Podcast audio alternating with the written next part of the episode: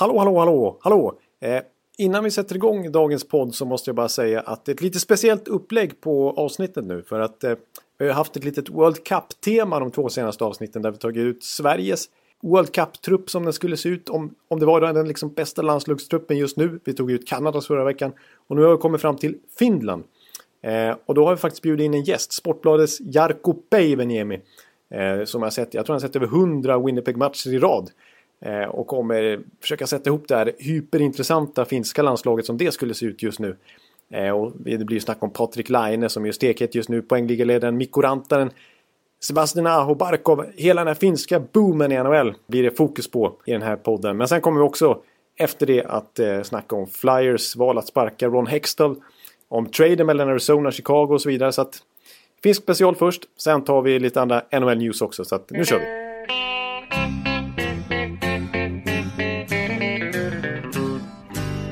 Out there, we're on the air. It's hockey night tonight. Tension grows, the whistle blows, and the puck goes down the ice. The goalie jumps and the players bump, and the fans all go insane. Someone roars, Bobby scores at the good old hockey game. Oh, the good old hockey game is the best game you can name. And the best game you can name is the good old Hallå, hallå, hallå, hallå, hallå, hallå, hallå, hallå, hallå! Terve, terve, terve! Ollut mahtava viikko, uskomaton syksy. Just det. ja, där hörde ni. Det är ett nytt avsnitt av NHL-podcasten och det är ett mycket speciellt avsnitt. För det är inte nog med att eh, Jonathan Ekeliv eh, sitter i Stockholm och jag, Per Bjurman här i New York. Vi har besök av vår gode vän och finländske guru Jarkko Päiväniemi.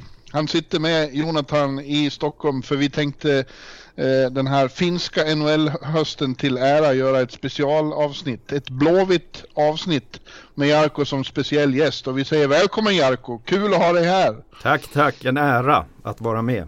Ja, eh, och vi eh, ska helt enkelt prata lite om, eh, det har ju faktiskt varit en helt fantastisk finsk inledning på den här säsongen. Så vi ska prata om, om lite om det, om, om de profiler som tar ligan med storm.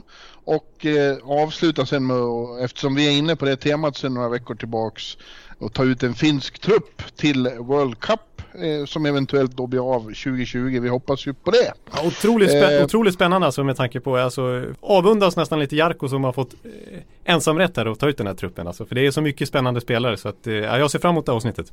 Ja, men Jarko, eh, låt oss börja med att fråga dig. Ja, vi, vi känner dig väl och vet eh, hur passionerad du är när det gäller finsk hockey och finsk hockey i NHL eh, allra mest.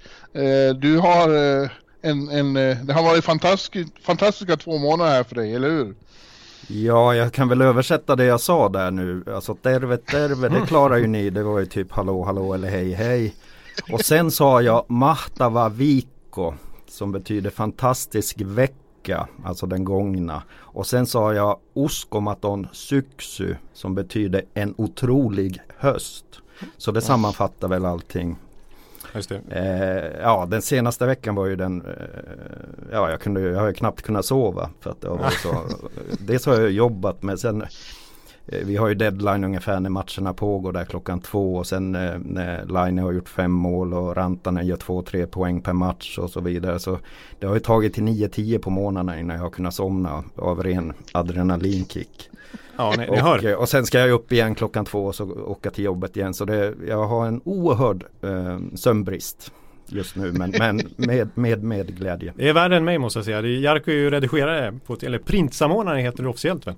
Eh, men eh, och ser ju faktiskt ännu mer NHL för du kan ju inte slita dig från de här finlä finländarna än vad, än vad jag gör. Alltså. Nej jag, jag satt just och funderade hur många, eh, nu har jag ju Winnipeg Jets har jag ju haft i mitt hjärta. Jag, jag, jag satt och funderade, nu har jag ju sett samtliga, vad är det nu, är det 90 vad fan, vad fan har de spelat? 20, 20 matcher någonting. 23, Plus att jag såg alla 82 grundseriematcher förra säsongen med Jets. Så jag, jag är uppe över 100 raka Winnipeg-matcher. Jag har inte missat en enda. Jag missade två i slutspelet mot Nashville när jag var på hockey-VM i Danmark. Men annars äh, har jag ju sett Jets i, ja, ja i stort sett sen Line kom till laget. Va? Exakt. Mm.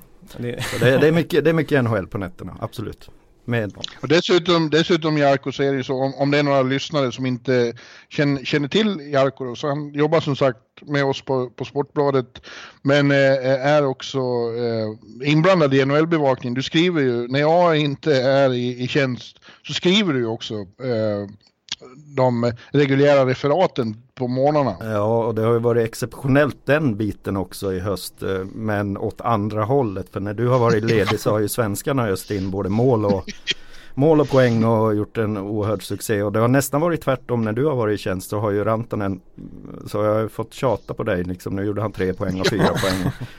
Men när Line gjorde fem senast så tog jag ju över just den matchen. Men annars, um, ja. Ja. Fantastisk höst. Mm.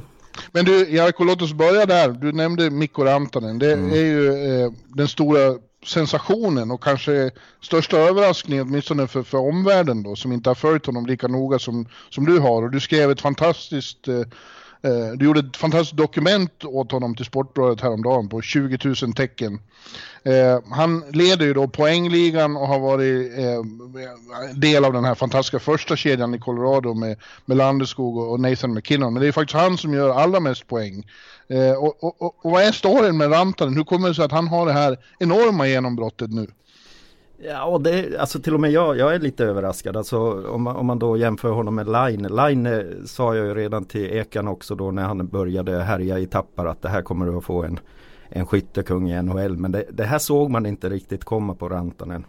Det har ju varit en oerhörd utveckling som sagt de två senaste säsongerna. Det var ju när de satte ihop den där kedjan när, när, när Colorado satte ihop honom med Landeskog och McKinnon. Och, och, men sen har han ju vuxit. Han har ju blivit han har blivit, alltså han har vuxit rent bokstavligen och, och, och bildligt. Alltså, dels har han blivit större, mer explosiv men, men eh, och självförtroendet har vuxit och nu, nu han dominerar. Det är inte så att det är McKinnon som leder honom utan det är snarare tvärtom nu. Alltså det, det, vad har han, 28 assist hittills.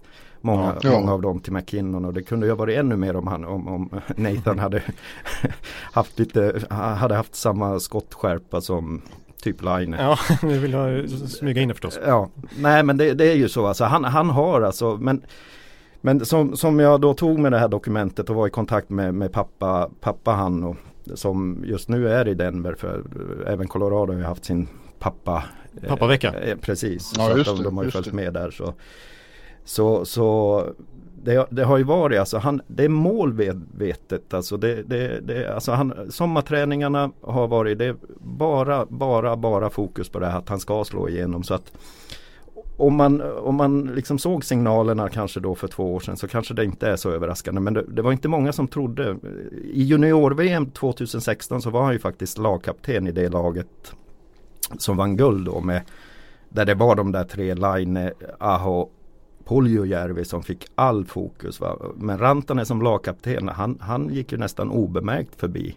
Förutom att han då gjorde ett mål i finalen där 3-2 mot Ryssland som de sen vann med 4-3. Men det var ingen som tänkte på att han skulle slå igenom på det här sättet som han har gjort. Inte jag, jag tror inte någon annan heller, inte de i Finland eh, heller. Alltså att han nu snittar 1,6 poäng drygt per match, det är helt, helt sanslöst. Han är alltså på väg mot 130-140 poäng om man fortsätter så här. Ja, men jag, jag, tänker att han var ju, alltså han har ju sett som en supertalang länge i och med att han, han debuterade väl i TPS som den yngsta spelaren någonsin i hela finska ligan, så var det väl? Ja, 16 år Han var väldigt mogen för sin ålder och han hade, kände, man redan tidigt såg man att han hade led, ledaregenskaper och det var därför han var kapten i det här hypade stjärnlaget i JVM också. Men man kanske mer, man kanske inte såg riktigt den här offensiva superstjärnepotentialen utan det var mer kanske lite Mikko Koivu, lite tvåvägsspelet, styrkan. Bara ja, styr... jag höll på att säga nästan Landeskog alltså ja, egentligen ja. över honom på det sättet. Så att, eh, men nu har han ju fått den här extrema, alltså, han har spelsinne som, som man inte såg komma. Liksom, passningarna, ja. bara senaste matchen, det var helt fantastiska passningar han slår.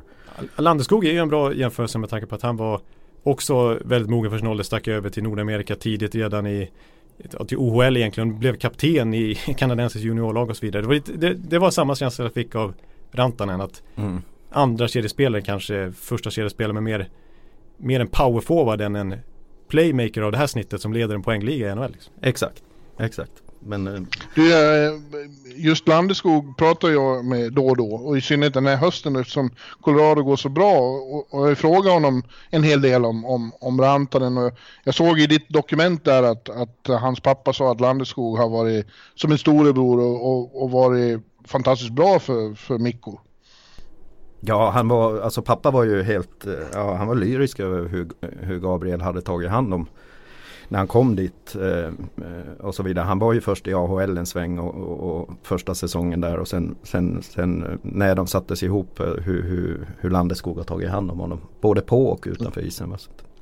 Ja, och han säger ju också då, Gabriel, att eh, han och andra i Colorado är inte så särskilt förvånade. De tycker bara att det är givet att det här har hänt och han tycker, han tyckte direkt han såg Anton och började spela med honom att han fick en eh, Malkin-vibb. Att han, att han är en spelare av eh, Gino Malkins sort och kaliber. Det är ingen dålig eh, recension. Nej. Nej det är det inte. Med, ja, jämföra med ryssar är ju som det är. Men, men ja. Det, oj då, oj då, känsligt. känsligt. ja, nej men Line jämförs med Ovechkin och, och Rantanen jämförs med nu Malkin då på det här. Men ja, ja, det, det kan vi köpa. Det är fina hockeyspelare de också. Ja, ja absolut. ja. Men som sagt, han leder eh, poängligan. Samtidigt leds då målligan av eh, Patrik Laine. Eh, och ja, först och främst, hur, hur är stämningen i, i Finland? Hur, är, hur reagerar finsk media på det här? Det måste ju vara eh, total hysteri där. Ja, det är det mer eller mindre. Alltså det, det, jag vet inte, vi, vi, vi publicerar ju varje morgon när du är i farten en, vad ska vi säga, snitt tre fyra artiklar från NHL. Line nu när han gjorde de här fem, jag tror det var sju artiklar enbart på Line då eh, den morgonen. Och sen kom ju allt annat. Och, och sen, ja du har ju de andra också. Det, det är bara det att de här två är så ex, exceptionella just nu. Man, och samtidigt så snittar Sebastian Aho, Alexander Bark och snittar en poäng per match. Men de hamnar ju i skymundan nu när det, det här pågår. Pekkarin är överlägset bäste målvakt. Både i räddningsprocent ja. och goal against. Eh, alltså, ja, som du påpekar i bloggen, Filppula gör fantastiska mål. Eh, men allt det här hamnar ju i skymundan på de här två spelarna som nu är, toppar allt man kan toppa i NHL. Men, ja, man kan ju tänka sig hur vi skulle bli bara om, om vi hade ettan i poängligan, ettan i målligan, bästa målvakten och en av de allra bästa rookiesarna också. Ja, etta i assistligan överlägset Rantanen också givetvis. Mm. Ja, vi måste komma in på, på Heiskanen som du är inne och, och eh, nämner lite grann där Bjure också. Men, eh, ja, men eh, vi, vi, måste, vi måste ta det med Line. Ja, vi måste ta det med Line. För det känns som att Line är lite, alltså, det, han är lite Zlatan i Finland. Alltså om man ser till, vi kan ju, i Sverige här så kan du skriva liksom Zlatan, vad som helst eh, klickas ju här på Aftonbladet liksom. Ja. Men, men Line, går man in på Ilta, Lehti eller Sanomatten och sånt där. Ja. Så är det ju, det är tapetserat med Line. Det är det. det, det varje dag är det någon artikel eh, just nu. Va?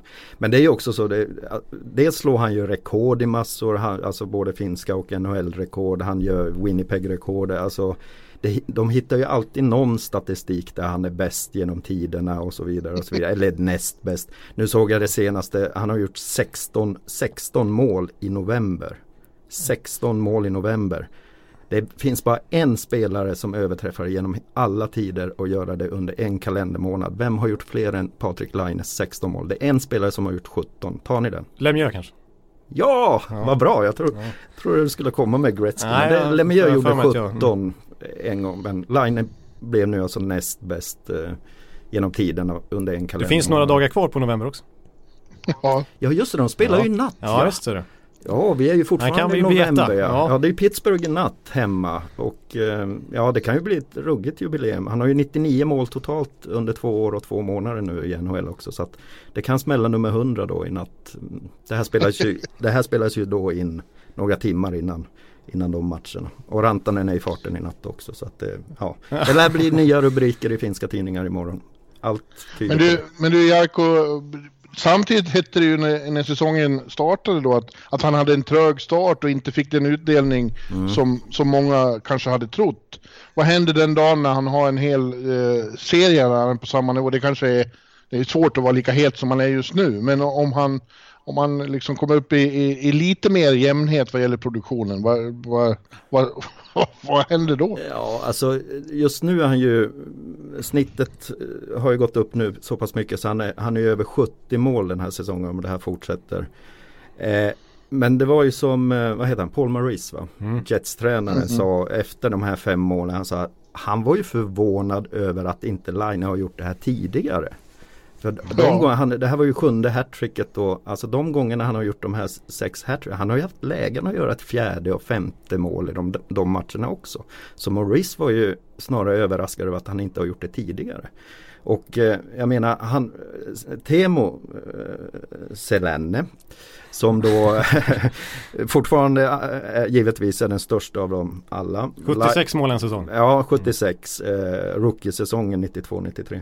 Men eh, han, han eh, tekade ju den här eh, puckdroppen då i, inför första matchen i Helsingfors, Helsingfors mot Florida då. Och det, det, var ju då när Line var i en svacka och alla är det, är det liksom, var det bara två säsonger och, och så vidare.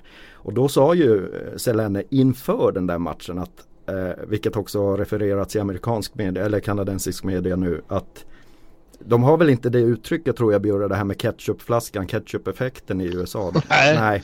Nej. Så de, de, tyckte det var så roligt då i kanadensisk media. För Selene sa, Finland har ju samma uttryck som i Sverige. Att eh, när det väl släpper då kommer den här ketchup-effekten. Och mm. eh, Selene fick ju helt rätt. För, för att det blev ju ett hattrick i den där första matchen i, i, i, Helsingfors. Och det var de tre första i november och sen blev det 13 till i november hittills. Då. Så, att, så eh, Temo var ju lite Saida i det, i, i det läget. Han, han, fick rätt att det kommer att släppa och då kommer ketchup-effekten sa han. Och, och det gjorde den nu. Ja. Men eh, jag, jag, tror, jag, såg att du var inne på din blogg att, eh, att det här Celandes 76 är omöjligt. Jag kommer ihåg när jag började med Jonathan här när Line härjade ja, ja. i Tappara. Jag vet inte om du känner till det här Björn men innan någon visste här på våran tidning vem den där lille pojken var, eller lille storvuxne lille pojken. Ja, ja. Eh, när han härjade som mest där hösten 2015, 2016 där i Tappara och sen tog de till finskt mästerskap. Och sen vi, eller sen blev ja, utsett till MVP. Ja, vann junior-VM. Men, ja, men, redan hösten. Men det är senior-VM också blev man Ja, MVP senior-VM sen också när de tog silver. Men, men hösten där så, så, så sa jag, då, då, då, tog vi de här första tv-klippen på hans skott i Tappara och då sa jag Ekan, har du sett det här skottet? Kolla mm. vad, vad, som komma skall här. Och jag, jag kommer ihåg att jag smsade dig också Björre att den, den våren så att om några år så kommer du få skriva mycket om, om ett par spelare. De hette Line och Aho. Du hade aldrig hört talas om de spelarna. Jag nämnde Nej. även Puljujärvi. Han, han, han, tar vi senare. Va? Men, men, men, det blev som det blev och, och, jag tror jag har nästan fått rätt i alla profetior. Kommer du ihåg det Ekan? Ja, du, du sa ju till exempel inför eh, hans rookie-säsong att eh, 40 mål minst. Ja. Du hade till och med ett bett på det också. Du pratade ja. till och med om kanske 50 mål. Ja, och det blev ju över 40 och Ja det blev 40 exakt första ja. va, tror jag. Ja. Och 44. Och då har han ändå haft lite skador då och då så ja, han matchen. han hade en hjärnskakning första säsongen där och sådär. Nej men jag, jag, säger att 70 är inte alls omöjligt. Jag, tror, jag tror till och med det kan inträffa under, under de här kommande åren. Alltså vi pratar 3, 4, 5 år fram. Vilken säsong Ja, jag helst. tror ju bara eftersom jag invänder mot det i, i bloggen. Så jag, jag bara tror att det är svårt i den här eran. Det var, ja, lätt ska man inte säga att det var, men det var lättare för Temo att göra 76 mål då än vad det gör 50 nu. Eh, och eh, det kommer att tajta till sig efter jul. Så är det ju bara. Absolut, absolut, det, det vet vi. Men sen kommer jag komma ihåg efter jul förra året. Det var ju då han började producera också. Så att eh, det här är ju Ja. Eh, ja. Ja. Alltså, ja, jag får säkert, det är säkert du som, som kommer få rätt. Och, och, och, mina kollegor här, jag antar att de har hur mycket som helst att göra nu. Sami Hofrén på, på eh, vad heter det, Sanomat och, och Tommy Seppele på Yle. Ja. Eh, de, de, eh, de har att stå i nu och det, och det roliga är ju då att, att eh, de älskar ju Line för att han är medial också. Ja. Eh, vi har, eh, till skillnad från en del unga svenskar som kommer fram som är lite reserverade och blyga så är ju Line en citatmaskin. De älskar att prata med honom för han har alltid något roligt att säga. Absolut, han har väl slipat lite på sin kaxighet i alla fall. Det, det har väl varit kanske till och med lite för mycket emellanåt. Men men Sami åkte ju då till Winnipeg efter de här fem matcherna. För de, de var ju på fyra matchers bortaturné när han gjorde de här elva målen. Nu är de ju hemma igen så Sami åkte ju dit direkt. Han är ju på plats där i, i Winnipeg. Han har ju varit på träningarna här. Och han har ju fortsatt leverera citat där då till, till så att det, det har varit bra. Ja, det tycker Ja, jag lite... Sami får frysa i Winnipeg. Ja, men det är lite synonymt tycker jag faktiskt med de här finska talangerna som kommer upp nu. Att de är rätt de har ett annat självförtroende på något vis, än, i alla fall utanför isen än vad svenskarna har. Alltså, det, det har vi pratat om att svenskarna också. Liksom Elias Pettersson bara kliver in och tar för sig som att han har spelat NHL hela karriären ungefär. Eh, men om man kollar utanför isen, Line är ju rätt kaxig liksom och sådär och jag menar Kotkaniemi kommer upp här som och liksom vågar eh, pika lite, slänga lite lite slevar i media sådär mot Elias Pettersson bland annat och sådär. Alltså det känns som att de har lite annat klös i sig. De vågar eh, ta för sig även i media liksom. Ja, jag, jag, tror det är också så här framgång föder framgång och, eller om man då ska säga kaxighet med, föder mera kaxighet. Ja. Alltså för att när de här, den här generationen, alla de här vi nu ser göra det här. Det är ju från de här JVM-lagen 2014 och 2016 som vann guld. 14 i Malmö och 16 då i, i Helsingfors. Alltså det, det kryllar ju av spelare från de två lagen. Alltså 14 var det ju Teräväinen och Jose Sarros och Lindell och ja, allt vad de nu hette och sen och 16 var det ju ännu fler då. Men, men eh, alltså de har redan som juniorer haft stora framgångar och det blir bara mer och mer. Alltså självförtroendet är så stort hos alla de här spelarna nästan. Det finns undantag då givetvis i typ Jesse Puljujärvi och sådär. Men, men, men ähm, nej, det, det, alltså det är underbart att hålla på fin Finland. Alltså det, det, det, är en helt fantastisk höst. Alltså, alltså ja. någon gång i, när jag sen, jag är ju gammal redan nu, jag är ju lika gammal som du Björn. Men, och jag har ju varit med om, du vet, eh, när Finland bara var en liten eh, irriterande mygga på 70-talet, 80-talet mot, mot Tre Kronor och så vidare. Nu, nu Alltså nu kommer ka kaxighet föder kaxighet. Jag kan till Jarko har redan kaxig. börjat prata om att OS i Stockholm 2026 är som ja, förbereder på finskt guld. ja, vi börjar med World Cup 20, ja 2020 kanske är tidigt men jag tror 2024 och 2026 så kommer Finland tillsammans med Kanada kanske vara huvudfavoriter i turneringarna. Ni hör ju på till exempel när jag och Bjurre snackar så att det blir tufft för Sverige mot, mot Kanada men vi har ett starkt landslag men så kommer Jarko in här. Det blir guld. World ja. Cup liksom. Han har också den här Kotkaniemi, kaxigheten och Line liksom. Det, det, ja, smittar tänk, av sig. Tänk sex år, sex år inne, då är de ju prime de här spelarna sex år framme. Om vi pratar 2024 om det är ett World Cup då också och 2026 då ett OS. 2022 eh, OS. Ja, då är vi i Peking. Ja, och då alltså här, uff, uff, uff. Det kommer att bli fina, fina, fina, fina, fina vintrar.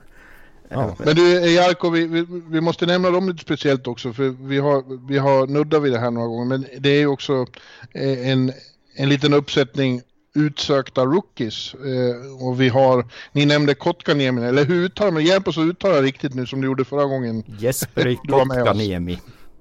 Ja. Kotka betyder örn och Niemi är näs eller udde, så örnnäs kan man kalla dem. Jaha. Mm. Och så, och så har vi i Dallas då den fantastiska backen eh, Miro Heiskanen. Heiskanen ja, Miro. Miro Heiskanen. Det är bara ett Miro. i, då ska det vara Miro. Mm, Miro. Okay. Ja, Miro. Man börjar lära sig lite grann. Är det ett vanligt smeknamn i Finland? Smeknamn, det är ett, det är ett riktigt namn. Eller ett vanligt namn, förlåt. Nej, det, det, är ganska ovanligt faktiskt. Så att det, det, är inte så många. Det kanske är den här yngre generationen. Att det blir ju sådana här eh, fabbenamn som dyker upp. Va? Men, men jag, jag, kan inte påminna att inte någon annan hockeyspelare som heter Miro i alla fall.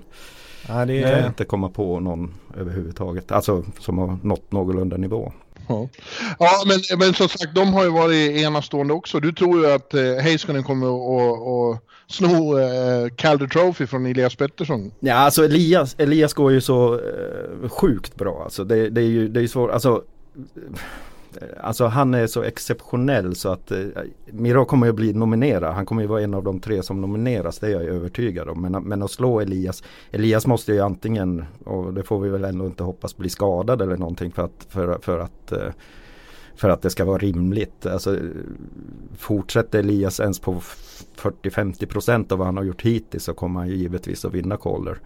Men eh, Miro kommer ju vara där. Han, jag tror han är den främste utmanaren i alla fall. Han gynnas ju av, nu av att eh, Alltså Dallas gynnas ju inte av Klingberg i skadan naturligtvis. Men Miro är ju uppe i Ja nu, han är, det har varit matcherna varit uppe i 30 minuters istid. Alltså, ja. Han är ju första back just nu i Dallas. Ihop med Lindell. Ja, det har ju väl inte märkt så mycket att Klingberg är borta om, om man nu ska På vara resultaten ärlig. för Dallas så har det ju inte märkts. Nej. Eh, Och sen produktionen, Lindell öser ju in, Esa Lindell då också, han öser in mål. Heiskanen gjorde ju nästan hattrick, han, han missade ju upp en kasse med en decimeter Ja. härom, häromdagen också. Så att, eh, och sen är de ju stabila. Alltså, Heiskanen har ju det självförtroendet som han spelar med. Ja. Det, är ju, det är ju nästan än mer bisarrt alltså. Pojken är 18 Hans första år. byte i NHL till exempel är ju klassiskt. Jag tror många av er har sett det. Ja, det Hur, hur han tar för sig direkt första bytet i NHL.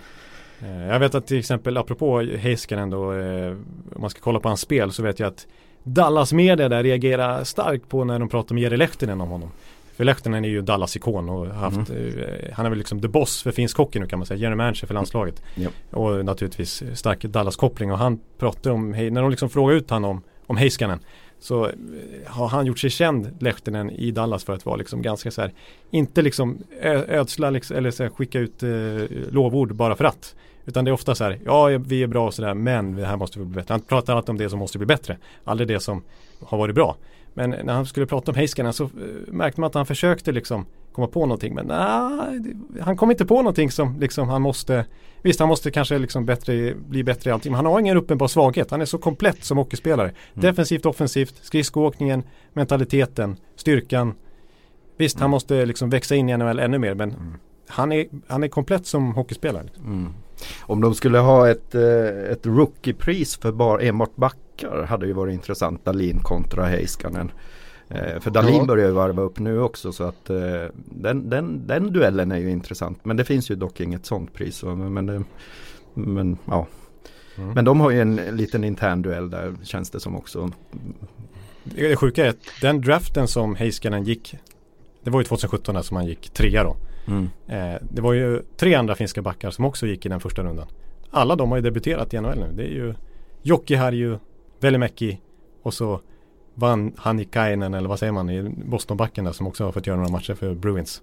Jag menar med tanke på att just backsidan har varit Mm. ett problem eh, kontra den extrema forwardsutvecklingen i Finland så är det lovande också. Ja det är ju en boom när det gäller backar. Absolut. Och det är ju, det är ju andra också som har slagit. Alltså, Vi har Ristolainen, vi har Jolevi på gång. eh, Ja, Notivara går ju Ja, ja, fantastiskt bra i Columbus. Eh, gjorde mål i natt, gång, den gångna natten också. Så att, och väldigt, väldigt stabil defensivt.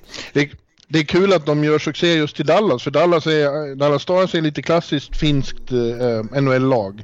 De har Ja, haft många Lehtinen. framstående där genom åren. Ja.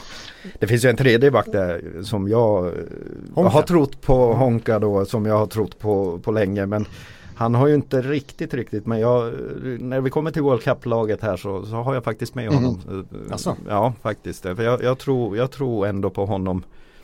Eh, Jag har alltid trott mer på honom än på Esa Lindell till exempelvis. Men, men, men han är lite för fladdrig fortfarande Honka. Men jag, jag, det spelsinnet som han har så tror jag fortfarande han han har potential att slå igenom också. Det, och dessutom tror jag det är så att Dallas är lite finsk stad också. För eh, jag tror Varpo har berättat det här för mig att det bor väldigt mycket finländare i, i Dallas och runt där i Texas. För att Nokia hade sitt amerikanska huvudkontor i Dallas, Ja, tror jag det Ja. var. Ja, jag har aldrig varit i Texas. Jag, jag vill åka dit men inte på grund av hockey utan på grund av eh, Ja. Houston och allt vad NASA och allt sånt har att göra. Ja, just det. Du är ju space-gubbe Jarko. Ja, ja, han är hockey och space gillar han. Just det, ja men eh, ta och kom över och så åker vi till Houston och Dallas. Då kan du slå fru, två flugor i en smäll. Ja, ja, det Du gillar vore väl barbecue också eh, Jarko? Jag gillar barbecue Ja, också. visst. Så. Ja, så det blir ju allting då. Ja. tre flugor i en smäll. Ja, det är inte ofta man får tre flugor i samma smäll alltså. Kanonsmäll ju. Ja, men eh, jag, jag vet inte om vi ska gå vidare eller om jag, om jag bara får snappa upp en liten Line-grej här. För jag vill vara lite så här djävulens advokat kring Line också med Jaha. tanke på att vi har öst beröm över honom och hans skott. Akta dig nu, du har Jarko Ja, det är livsfarligt det här, jag vet. Men, eh, Kör då. Nej men alltså För det, det som är lite problemet med, med Line än så länge som gör att han Till exempel när det rankas de bästa spelarna i världen just nu så är jag inte säkert att han ens är med topp 10 på alla listor och sådär. Men det är väl just för att han, alla är väl överens om att han kanske har NHLs bästa skott att han till och med passerat Ovi på den fronten. Mm. Eh, och då pratar vi alltså ett historiskt skott. Jag menar Ovechkin kanske har det bästa skottet genom tiderna om vi drar in Brett Hull och, och Mike Bosse och så vidare. Det är ett enormt tillslag han har. Release kanske man säger snarare, Mm. eh, Line. Men alltså han är bara, jag menar Ja, han får inte spela så mycket. Han är under 17 minuter per match. Det är en sån som Kyle Connor spelar mer än honom. Ja. Men det är det där med att målen kommer lite i kluster. Eh, hans eh, defensiva underliggande siffror är inte speciellt bra. Det genereras mer chanser mot eh, Winnipeg när Line är på is, isen än framåt faktiskt. Absolut, Eh, han har tupp, tupp, pucktapp eh, ganska ofta. Jag tycker liksom just fladdrig med, med det, det, det är som att det inte fastnar. Det är liksom en, vad ska man kalla, antimagnet i hans klubba emellanåt känns det som att han, han tappar puckar. Det håller jag med om också. Och, sådär. och det, det har väl med de här defensiva siffrorna att göra. Dock, och det, det, det ska nu påpekas när du nämnde Kyle Connor. Hela den här succén nu Ja. det har ju kommit för att eh, Morris äntligen har verkat ha Alltså Line har ju varit i fjärde Han började ju i första Han hamnar i andra Med Little och eh, Vem det nu var i början Sen hamnade han i fjärde. Mm. Precis innan Helsingforsresan så var han i fjärde kedjan Kom upp i tredje Och nu Alltså fem matcher tillbaka så, så fick han ihop den här andra kedjan. Han är ju med Little eh, där men då har han alltså Kyle Connor på andra kanten. Mm. Och det är ju den kedjan. Det är ju nu de har ju hittat en magi. Och det har jag varit inne på. Det såg man redan i Helsingfors. Och jag tror Kyle Connor, alltså det här är bara mina egna Du brukar ha rätt i dina profetior, så Ja, nu vill du men- höra en sån. Men mina spekulationer är också att eh, man såg förra säsongen, även Kyle Connor ung, eh, hungrig. Eh, Ja, jag höll på att säga ett ord men mål, eh, ja ni vet. Eh, Sugen på att göra mål. Ja, Eh, ingen snusk nu. Nej. Nej, men och det tyckte jag man såg förra, förra säsongen att det var lite konkurrens mellan Connor och Line vem som skulle ösa i mål. I år så har det man nu kan se på tv-bilder och så vidare så känns det som att den personkemin fungerar väldigt, väldigt bra. Man ser när de sitter, det såg man framförallt i Helsingfors hur de garva och skämta i båset med varandra. Och sen nu, det var ju innan de placerades ihop och nu har de placerats ihop i samma kedja. Och det märker man ännu mer alltså. Line, det var någon match här innan han gjorde de här 11 när de kom två mot ett och Line hade ett helt fantastiskt läge att bara eh, göra mål. Ja. Så passade han till Connor istället. Och precis vice versa har det varit i flera andra lägen där Connor har haft det. Istället för Ja, de är ju shoot att, att de har first varit, spelare. ja de, har, de är verkligen shoot first. Men tillsammans nu så verkar det som att de, de, de vill hjälpa den andra. Åt båda hållen alltså. Så att jag tror Paul Maurice har hittat en fantastisk konstellation. Och Little som jag har varit Du har varit hård mot honom. Ja, jag har såg varit hård mot jag har honom. Finska- Jag, jag, ja, jag säger att han och Line inte ska ha spelat ja. ihop. Men nu med Connor så verkar det ha, där, nu har pusselbitarna fallit på plats. När Statsny eh, gick efter den här säsongen då, då var man ju lite sådär att hur, hur ska han få ihop de här nu? Men, men nu, nu finns det en kedja. Nu, nu har de, de, de topp sex nu. eh, För även, även Ehlers tillsammans med Scheifele och eh, Wheeler. Wheeler. fungerar ju helt fantastiskt bra. Alltså. Ehlers har ju kommit Men, och, det, och vi, som vi, alla tre, oberoende av varandra, kom fram till innan säsongen är ju att eh, de har ju fortfarande utrymme för att göra en, en trade av samma sort som de gjorde när de tog Stasny i fjol. Då. Vi kom ju alla tre fram till att det blir Matt Duchene, eller hur? Mm. Men frågan är om han behövs. Just nu känns det ju som att det inte behövs ens.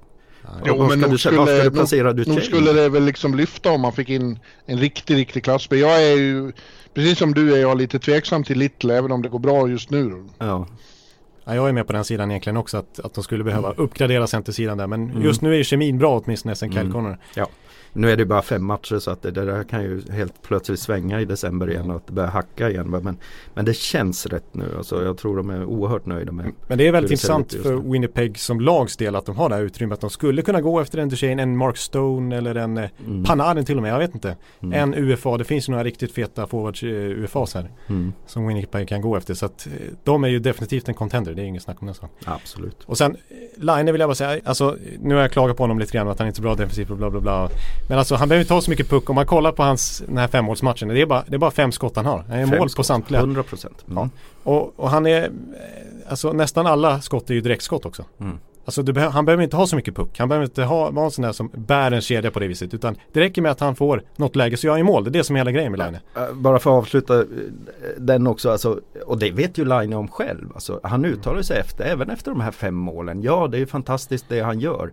Men han är ju självkritisk fortfarande. Han inser ju att han kan bli bättre i, i, i spelet det övriga spelet. Så att, han är ju fulländad målskytt. Men han vet att han har mycket kvar att lära fortfarande. Han, och han förstår ju det och han jobbar ju på det. Ja. Så det, tänk att han, han har ju bara spelat där i två år. Han är, han är 20, 98. Ja. ja, han är 20 år. Alltså hur, mm. hur ofta, vem, vem, förväntar sig att en 20-åring ska vara en fulländad NHL-spelare? Liksom det, ge honom ett par tre år till så kanske mm. till och med Ekeliv blir nöjd med hans ja, prestation. Ja, Rantanen som har slagit igenom nu, han är 96 han har två år till på sig Line. Ja, ja, precis. Mm. Men du Jarko, som sagt du har haft eh, ditt hjärta klappa för Winnipeg sedan han kom dit. Ja. Men nu är frågan i år eh, om Colorado och Winnipeg ställs mot varandra, vilket lag håller du på då? Ja, det, det, grundkontentan för mig är ju att jag inte håller på lagen egentligen utan jag håller ju på spelarna. Eh, och det är ja. ju de blåvita spelarna. Så just nu, jag håller på, om man då ska ta lagen så håller jag på Florida, Carolina, Winnipeg, Colorado och sådär. Och, lite men, Dallas. Ja, Nashville har jag ju lite svårt med. Alltså, men, det är för men, mycket svenskar. Ja, och sen är det en konkurrent till, till Winnipeg. Va? Men, men, men nej, jag, alltså jag följer i år så ja, innan den här fem, femmålsmatchen kom här så var ju Colorado intressantare att titta på men nu, nu är det ju Nu är det, ju nu är det igen. Ja nu är det, nu är det svårt liksom att välja. Men jag, jag håller nog inte på något av lagen. Ja, skulle de mötas, vi säger att de möts i första slutspelsrundan. Så inte då, omöjligt. Nej, och då håller jag, då blir det nog Winnipeg ändå. Så att. Det, det är jag gillar, jag, jag, ganska, ganska troligt att de kan ställas mot varandra och bli tvåa och trea i, i Central. Ja, och sen det lär väl bli fem lag från Central som går vidare som det ser, redan nu ser ut att de... Eh, Absolut. Så, men men eh, Nej och sen, sen äh, angående varför man också, jag, jag gillar ju Kanada mer än USA så att äh, alltså när ja. det gäller hockeymässigt äh, så, så är det ju så ja, att jag håller... principfast? Ja, ja det, det, finns någonting med Kanada som ändå är hockeyns, det är där det ska spelas hockey, inte i, inte i Tampa och sådana här skitställen. Eh, Jarko tackar vi för den här veckan då. Så eh, vad kul att du kom hit. Ja, ja. ja. ja där, där fick du tillbaka Ja, där fick jag tillbaka. Där kom, där kom eh, högersläggan alltså. ja. ja, men ska vi ta och titta på den här World Cup-truppen då och, och börja med målvakter och det är lite intressant för eh, innan, innan eh, CAP-eran inleddes så hade ju Finland en enorm eh, epok med lysande målvakter. Och de har fortfarande bra målvakter men det är inte det som de är allra mest kända för nu, eller hur? Nej, alltså när Ekan bad mig ta ut det här laget så, så var ju frågan eh, om det här gäller 2020, alltså ska jag blicka två år fram i tiden eller ska jag ta ett utlaget som, som det ser ut idag? Och då blev det ju alltså som det är idag, som hösten mm. har utvecklat sig. Och Pekka Rinne som då är 36 är ju given första målvakt nu. Men 2020 så då har hans kontrakt gått ut precis va? Eh, han skrev två år. Ja, han skrev två år. Eh, ja, det börjar gälla det, från och med. Ja, ja, det går ju ut precis då innan World Cup. Kanske, ja, eller så är det ett år kvar. Ja, jag vet ja, inte. Ja, men, ja. men skitsamma. Men just nu är han ju given etta. 94 dryga procent. Han är ju helt överlägsen i statistiken. Goal against leder han. Och ja, Nashville som, ja, visst de leder tillsammans vad är det, med Tampa just nu hela NHL men eh, utan Rinnes eh, fantastiska matcher så hade de inte haft eh, så många segrar. Saros är nere på under 90 procent ja, i sina och, matcher. Och om jag då nämner de tre målvakterna eh, för då kommer vi in på Saros också. Mm. Så är Pekka Rinne första målvakten och, mm. och här petar jag alltså, jag petar Toka Rask. Jag tar inte ens med honom på de tre. Eh, ja, det är eh, statement. Jag, sätter, jag sätter Pekka Rinne som första keeper. Jag sätter Mikko Koskinen, mm. Edmonton, som andra keeper. Eh, dels eh, väldigt förtjust över, ni följer kanske inte KL lika mycket som jag gjorde när, när han var eh, Sankt Petersburg mm. keeper och sen stod i hockey-VM och så vidare och storvuxen. Jag gillar honom. Eh, han har börjat ganska bra i Edmonton Han har börjat helt okej. Okay. Han har 91,4 procent nu i räddningsprocent. Han var det bättre än Talbot? Han har stått nio matcher. Ja. Eh, så nej men jag sätter honom som andra keeper. Rutinerad, eh, stabil, stor och så vidare. Och sen tredje keepern där blir då Antiranta fast han inte har börjat allt för Han har ju varit skadad igen. Han är ju väldigt skadebenägen. Eh, och sen, ja han har haft ett par plumpar här. Men det är, det är, inte, det är mera hur Arizona har spelat ja. än, än, Det var sex baljer mot Calgary var det väl senast här. Men, men eh, nej utan tvekan rinner etta, eh, Koskinen tvåa. Rask, eh, petad, eh, Jose Saros som jag inte inte tycker, han, man har alltid pratat om hans reaktionsförmåga men han, jag, jag, anser att han är för lite. Alltså, se var målen kommer. De, är, de hänger dem ovanför hans axlar. Han är för liten i slutändan. Du, du hinner inte reagera med axlarna där. Alltså. 12-13 cm kortare än ja, Koskinen. Ja, det, det, är så. I, och sen eh, skydden har väl minskat lite och ja. sådär också. Så det är kanske det man ser på Saros också nu. Att han, han är för liten. Jag vet inte. Man får väl Finns det stekar i, i Nashville så Ja. Men, men, eh, nej men det, det, är de tre. Rinne, Koskinen, Ranta. Korpisalo då är väl också en talang? Nej inte? men han är för dålig. Alltså, jag, jag, jag, tror inte han, han uh, han är en Eddie Leck alltså. Uh, känns det som. det är lite svensk diss här också samtidigt. Ja. Nej men kan göra enstaka bra matcher men sen i, i längden håller det inte.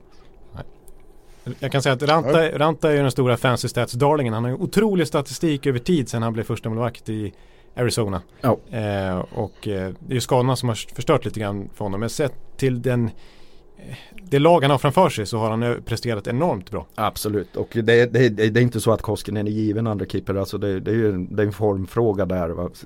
Vem av dem som möjligtvis är, är andra keeper även. Men men skulle det vara en World Cup och hur många matcher spelas där? Ja, Fem, sex, sju för att gå Vinner man he- final så är det väl sju matcher? Ja, ja så Rinne skulle väl stå sex av de matcherna om, om det skulle bli ett World Cup-guld.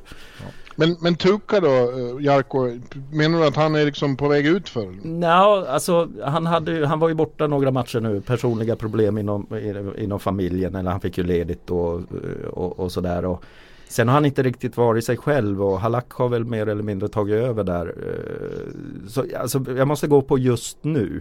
Han hade inget bra mm. slutspel heller Rask. Nej, nej det hade han inte. Det är någonting där som, som jag inte tycker riktigt stämmer. Eh, alltså det, det, är ju mera dagsformen som jag tagit ut de ja. här tre keeprarna. Sen om man börjar titta på 2020 eh, då kanske Saros är med ändå på, på ett, eh, om Rinne då är borta. Alltså när det verkligen är 2020. Sen jag vet inte om Rinne som 38-åring kanske förlänger ytterligare. Jag, det är möjligt att om han, gör, han vinner väl sina tre, tre år i rad här nu så, så kanske han fortsätter det. Ta fem år i rad och sluta som 40-åring sen. Ja. Mm. Ja, det ja, var vi, målvakterna. Mm. Ja, vi tar backarna. Vi tar dem som backpar då och då mm. tar jag ett första backpar med Miro Heiskanen. Han är klar för det redan och ja. tar den rollen som första backpar. Han får vara där med en rutinerad 24-åring. Ja. Alltså, men han är ju rutinerad då, Rasmus Ristolainen eh, i det här läget redan. Så att, eh, det, det säger jag som första backpar. Och jag vet att du Ekan är inne på det här med left och right där mycket ja. också. Och det, det, är väl logiskt också att Det är en leftare och en rightare Ja, Miro, Miro är leftare och eh, Ristolainen är eh, rightare. Va? Så att man, man, man har väl eventuellt tänkt där att eh, Lindell och Heiskanen båda Dallas. Eh, men, men då, då får vi två leftare där i så fall. Så att, eh, så, ja, brukar ändå tänka ut det förbundskaptenen. Ja, exakt. Så, att, eh, så Heiskanen, Ristolainen. Ristolainen är ju eh, Ja, han är ju som han är. Han är ju stor och bufflig och blivit hårdare. Han, eh, han försökte ju gå på Dustin Bufflin. Det var ju lite komiskt i, i Winnipeg. Han, ja. han studsade ju som en gummiboll som Nominen sjöng en gång i tiden. Ja. Han gick i rakt in i en vägg alltså. Men, men han, han, han försöker i alla fall Rasmus. Han är ju ganska stor. Men eh, bra, bra defensiv och, och, och, och så vidare. Han har fått lite kritik för att han slänger bort puckar och sådär. Ja. Men, men han, är, han vill ju vara kreativ och sådär ja. och då får man räkna med kanske lite. Men eh, på rutin och, eh, och som stöd till, till Heiskanen ett, ett, ett första bra backpar tror jag. Ja. Mm. Andra backpar, eh, Sami Vatanen Rightare? Mm. Ja, rightare och 27 år. Den mm. överlägset äldsta av de här backarna då, de här sju backarna jag kommer att rabbla upp.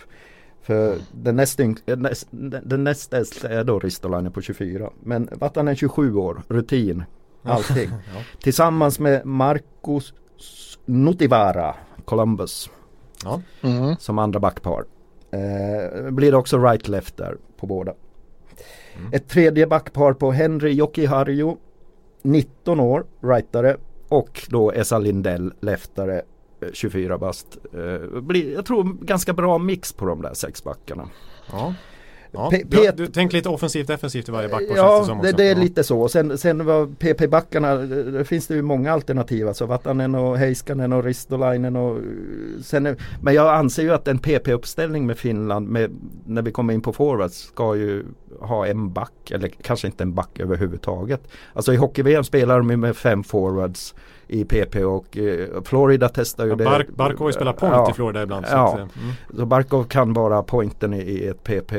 Jag, jag anser att det kanske inte ens är en back i ett, finskt PP. Nej. Nej. Det kan vara fem forwards med tanke på den uppställningen som sen kommer forwards. Intressant. Ja. Eh, det var tre backpar, Jocke-Jari Lindell och så sjunde back. Då petar jag alltså även Olli Mäta som jag inte tycker håller. Eh, Jag sitter just och reagerar på det. Vad är Olli någonstans? Ja, Tvåfaldig Stanley Cup-mästare och, Ja. och ja, stjärna länge här. ja, håller inte. Jag sätter in Honka, Julius Honka som sjunde back. Oj, lite, Oj, oj. Det, det gnisslas i, i finsk press här nu efter att Honka som har haft en svag start i Dallas eh, petas, eller ta, tas med då istället för Stanley Cup-mästaren eh, Mäter. Det är stora rubriker nu i Finland. Ja, det blir väl kanske Ja.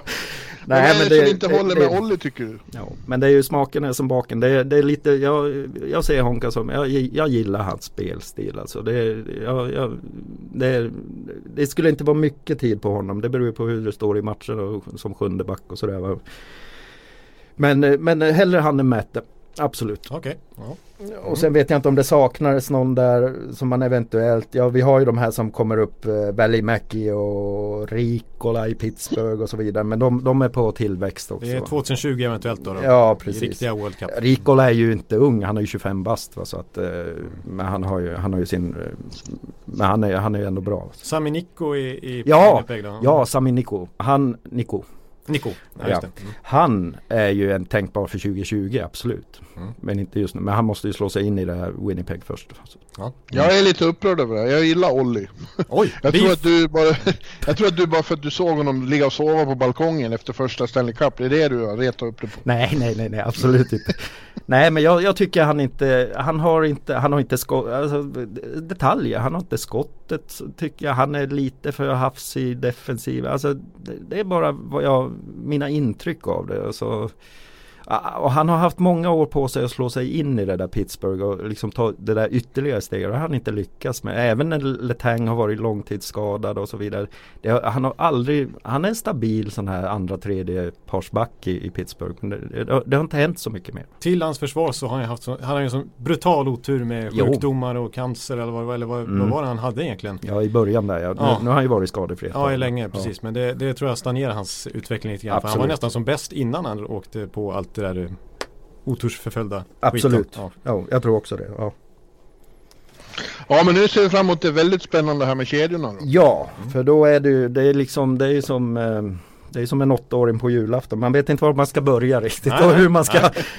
Alltså det är bara hårda klappar här. Eh, nej men den första kedjan med Alexander Barkov. Alltså det här med första och andra kedjan. Alltså båda är ju Det är- potentiella det är första, första kedjor, Ja. Mm. Men Barkov som center. Ja. Och eh, Kasperi Kapanen på vänster och Mikko Rantanen på höger. I den första kedjan. ja, det är intressant. Ja, jag, jag, jag, jag vet, ta båda första kedjorna först. Så Ja. se. Ja. Och sen den andra kedjan då, då är det eh, Sebastian Aho som center. Tillsammans med Laine då.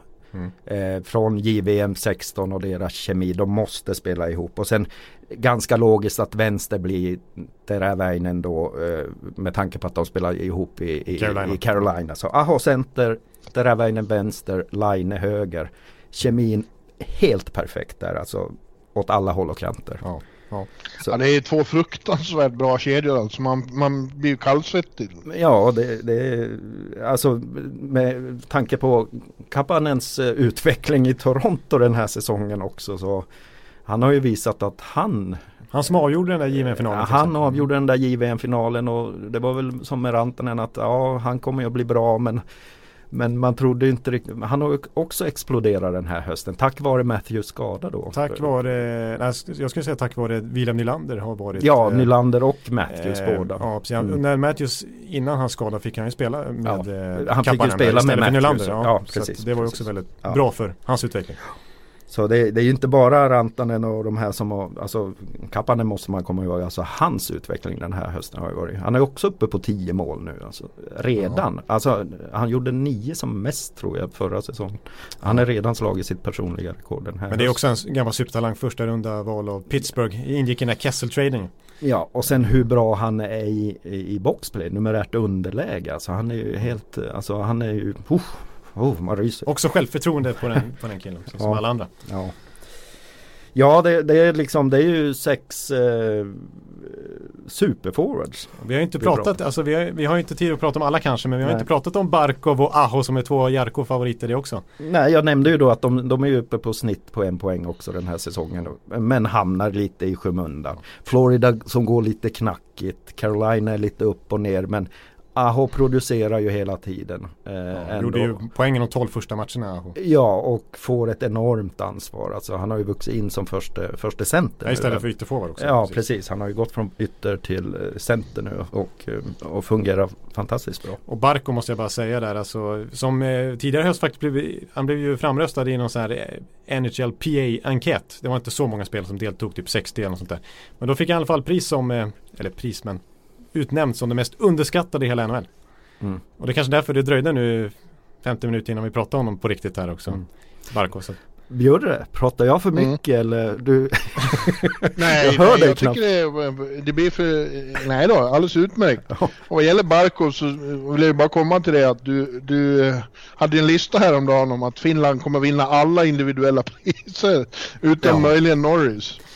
Ja exakt som det ser ut nu så har du Hart och allting möjligt Alltså på Rantanen eh, Alltså poängliga vinna eh, Du har Morris Rocket eh, på line Ja nu gick ju Pasternak upp men alltså jag tror han kan vinna den Eh, Barkov, Selke, Trophy. Om Florida börjar gå lite bättre framförallt mm. också. Så. Alltså med Barkov. Och Bergeron är skadad nu också. Så.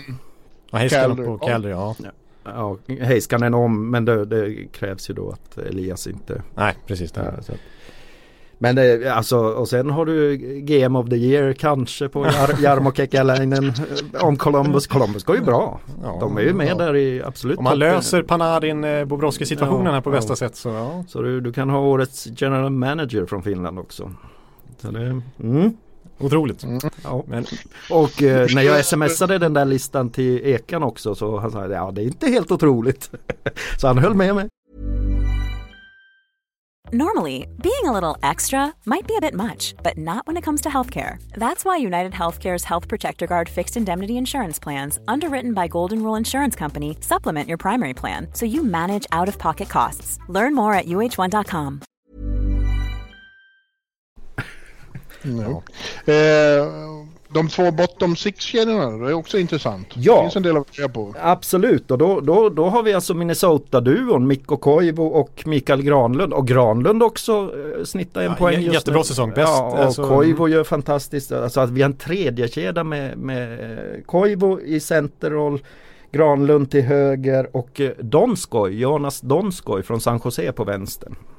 Ja. bra defensiv kedja. Mm. Och även två, de kan ju definitivt göra mål också. Ja, så att den, den är ju, den skulle ju uh, Ja det skulle ju vara en andra kedja i Sverige kanske det Ja det vet jag inte. Nej, nej, nej, en bra tredje kedja i Sverige. Ja, ska inte Bättre kanske än Sveriges tredje kedja. Eller ja, i likhet. Våran tredje kedja för Sverige det var ju typ Raquel, Zibanejad. Ja. Nej det, det, är fantastiskt. Är Sverige har ju också ja. fantastiskt lag. Nej men den är ju intressant och då, då är det ju givetvis det där med Koivu. Men Koivu är 35 också. Nu pratar vi om hur det ser ut idag. Alltså om två år 2020 så är kanske inte Koivu där. Kanske då, Kotkaniemi istället. Då kan det vara Kotkaniemi som center i den, den kedjan. På riktigt mm. alltså 2020. Mm. Mm. En fjärde kedja eh, Haula skadad nu men är väl på gång tillbaka som center. Mm. Ja vi köper att han är med. Ja Eh, Arturi Lehkonen, Montreal på högen. Och Rope Hintz. Oj, en skräll. Vänster, Dallas. Knallen eh, kolon mm. i, eh, i finns media här nu. Ja. Ja, wow. Och där, där försvinner ju då, alltså Leo Komarov eh, skulle ta med, men han har ju alltså sagt att han, han är klar med landslaget så det vore fel att ta ut honom eh, liksom i det här. Ja. För han har sagt att han, han är klar oavsett vad. Annars skulle han kanske gå in i fjärde kedjan där. Som någon sån här boxplay, Ja, character, exakt. rutin ja. i det här ja, unga laget. Ja, rutinen och allting. Så att, eh, men eftersom han har tackat nej så, så, så blir det Rape Hintz där. Och då är ju då Puljujärvi utanför och den är ju given med tanke på hans tunga höst igen här. Och eh, Kotkaniemi är fortfarande för ung.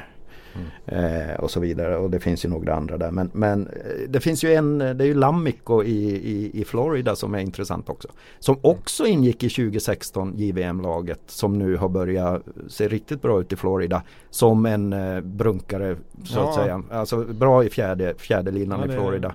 Och han skulle väl då eh, Hintz eller Lammico där men jag, jag valde Hintz där så att. Ja. Han gjorde fyra Lammico Jarko. Jarko vad, vad är, du nämnde ju Puljujärvi där. Vad, vad är grejen med honom? Han, det var ju lika höga förväntningar på honom i princip som på, på Aho åtminstone. Var, var, var, varför har det inte fungerat?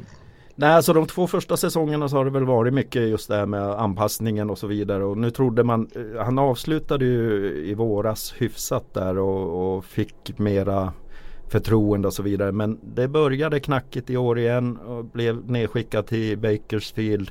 Nu när Edmonton eh, bytte coach här eh, så, ble, så fick han ju komma tillbaka. Så han spelade ju förra matchen men jag tror inte, han fick under 10 minuter Ja, redan. precis. Han fick inte mycket tro. Hitchcock sa ju dock att ska Edmonton vara ett framgångsrikt lag då måste Puljujärvi då måste vi ha Puljujärvi här uppe. Vi måste få igång honom. Ja, det är lovande för hans eh, Ja, del. så han kommer säkert att få chansen nu men då är det ju upp till honom att, att ta det.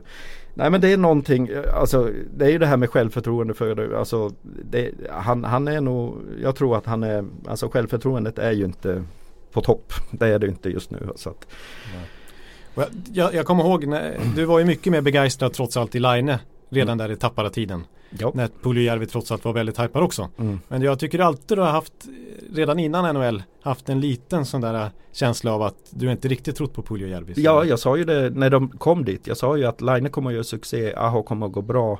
Puljärvi kommer inte att lyckas säsong ett. Säsong två sa jag också det eh, att det kommer att öka och Aho kommer att ta nästa steg. Det gjorde han. Säsong tre har jag do- dock haft fel för jag, jag, jag trodde ju på Puljärvi den här hösten. Eh, och jag tog upp honom i mitt fantasylag eh, som Ja, vi har internt här på eh, också. Men eh, nu har jag ju släppt honom och alla har ju släppt honom. Du Ja. tog upp honom ett tag där Björre men har släppt honom också. Ja, ja det har jag. Mm. När jag lärde mig vad fantasy går ut på. Ja, då, precis. Då, nu, är- nu är Bjurre skarp här. Fått en drömstart den här veckan. Han är nästan hetast i, i ligan just nu. Men eh, ja, alltså. Eh, Hånskrattet. ja det är bra Björre. ja, det är mycket släng, eh, kängor från, från Jarko känner jag här nu alltså. Men, eh, Tack Jarko. Ja. Men eh, Puljujärvi, ja precis. Inför den här säsongen, han, det var ju ändå mycket snack om där att han eh, bättrar på sin engelska som var katastrof när han kom. Ja. och han har jobbat på fysiken och som är, visserligen är grund, han är ju grundstark. Det har Ja. varit en av hans styrkor som junior att han har varit så stor. Och, och bra skridskoåkning också. Han har egentligen Ja, hela paketet. Det sitter i huvudet tror jag för Ja. hans del. Alltså, och jag har nästan alltid gjort det att han För att det är mycket, mycket som är bra där annars liksom. Mm. Så att, eh, Nej, vi får se, det, det, kan, det kan ske någonting i, i vinter där också. Så att, eh, men eh, han, behöver, han, behöver, han behöver lite medgång och så tror jag det kan, det kan bli en ketchup-effekt där också kanske. ja. Du Jarko, avslutningsvis, för vi måste nästan runda av det här blåvita segmentet så att vi, vi hinner med och prata lite eh, GM-byten och sånt. Men avslutningsvis, vilken... Du, förra gången du var med så gav du oss en ordentlig lektion i, i finskt uttal och jag skulle vilja höra vilk, vilka är de vi är sämst på nu? Vilka gör vi mest fel med och hur ska vi säga istället?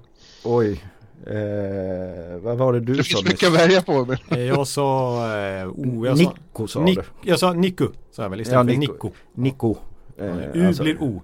Ja, ja, absolut. U blir O och ja, det är väl bara svenskan som har U som U. Finns det något annat språk i hela världen som har det? Nej, så, så, Alltså- det svenska U är unikt för Sverige. Ja, det är bara liksom, det är ju det är helt galet. Alltså till och med tyskan sätter ju två prickar över den om det ska uttalas som så. Så att annars är det ju O, givetvis. Givetvis. Ja.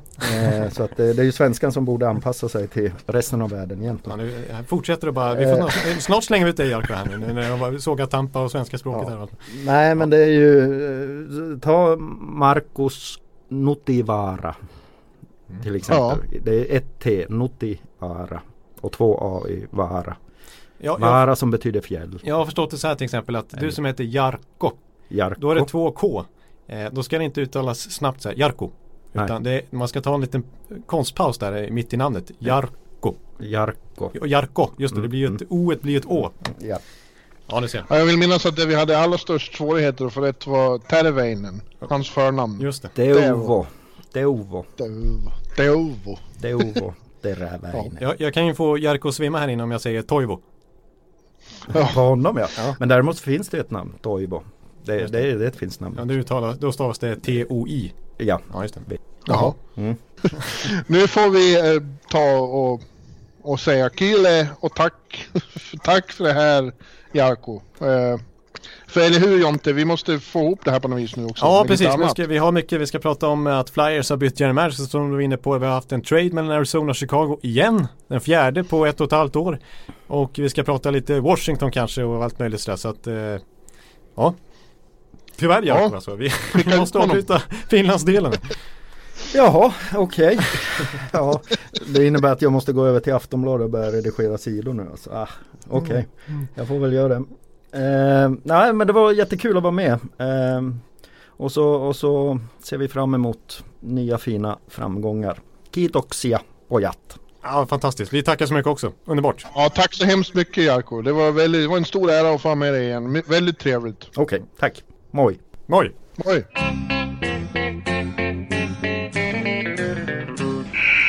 Hallå, hallå, hallå, hallå.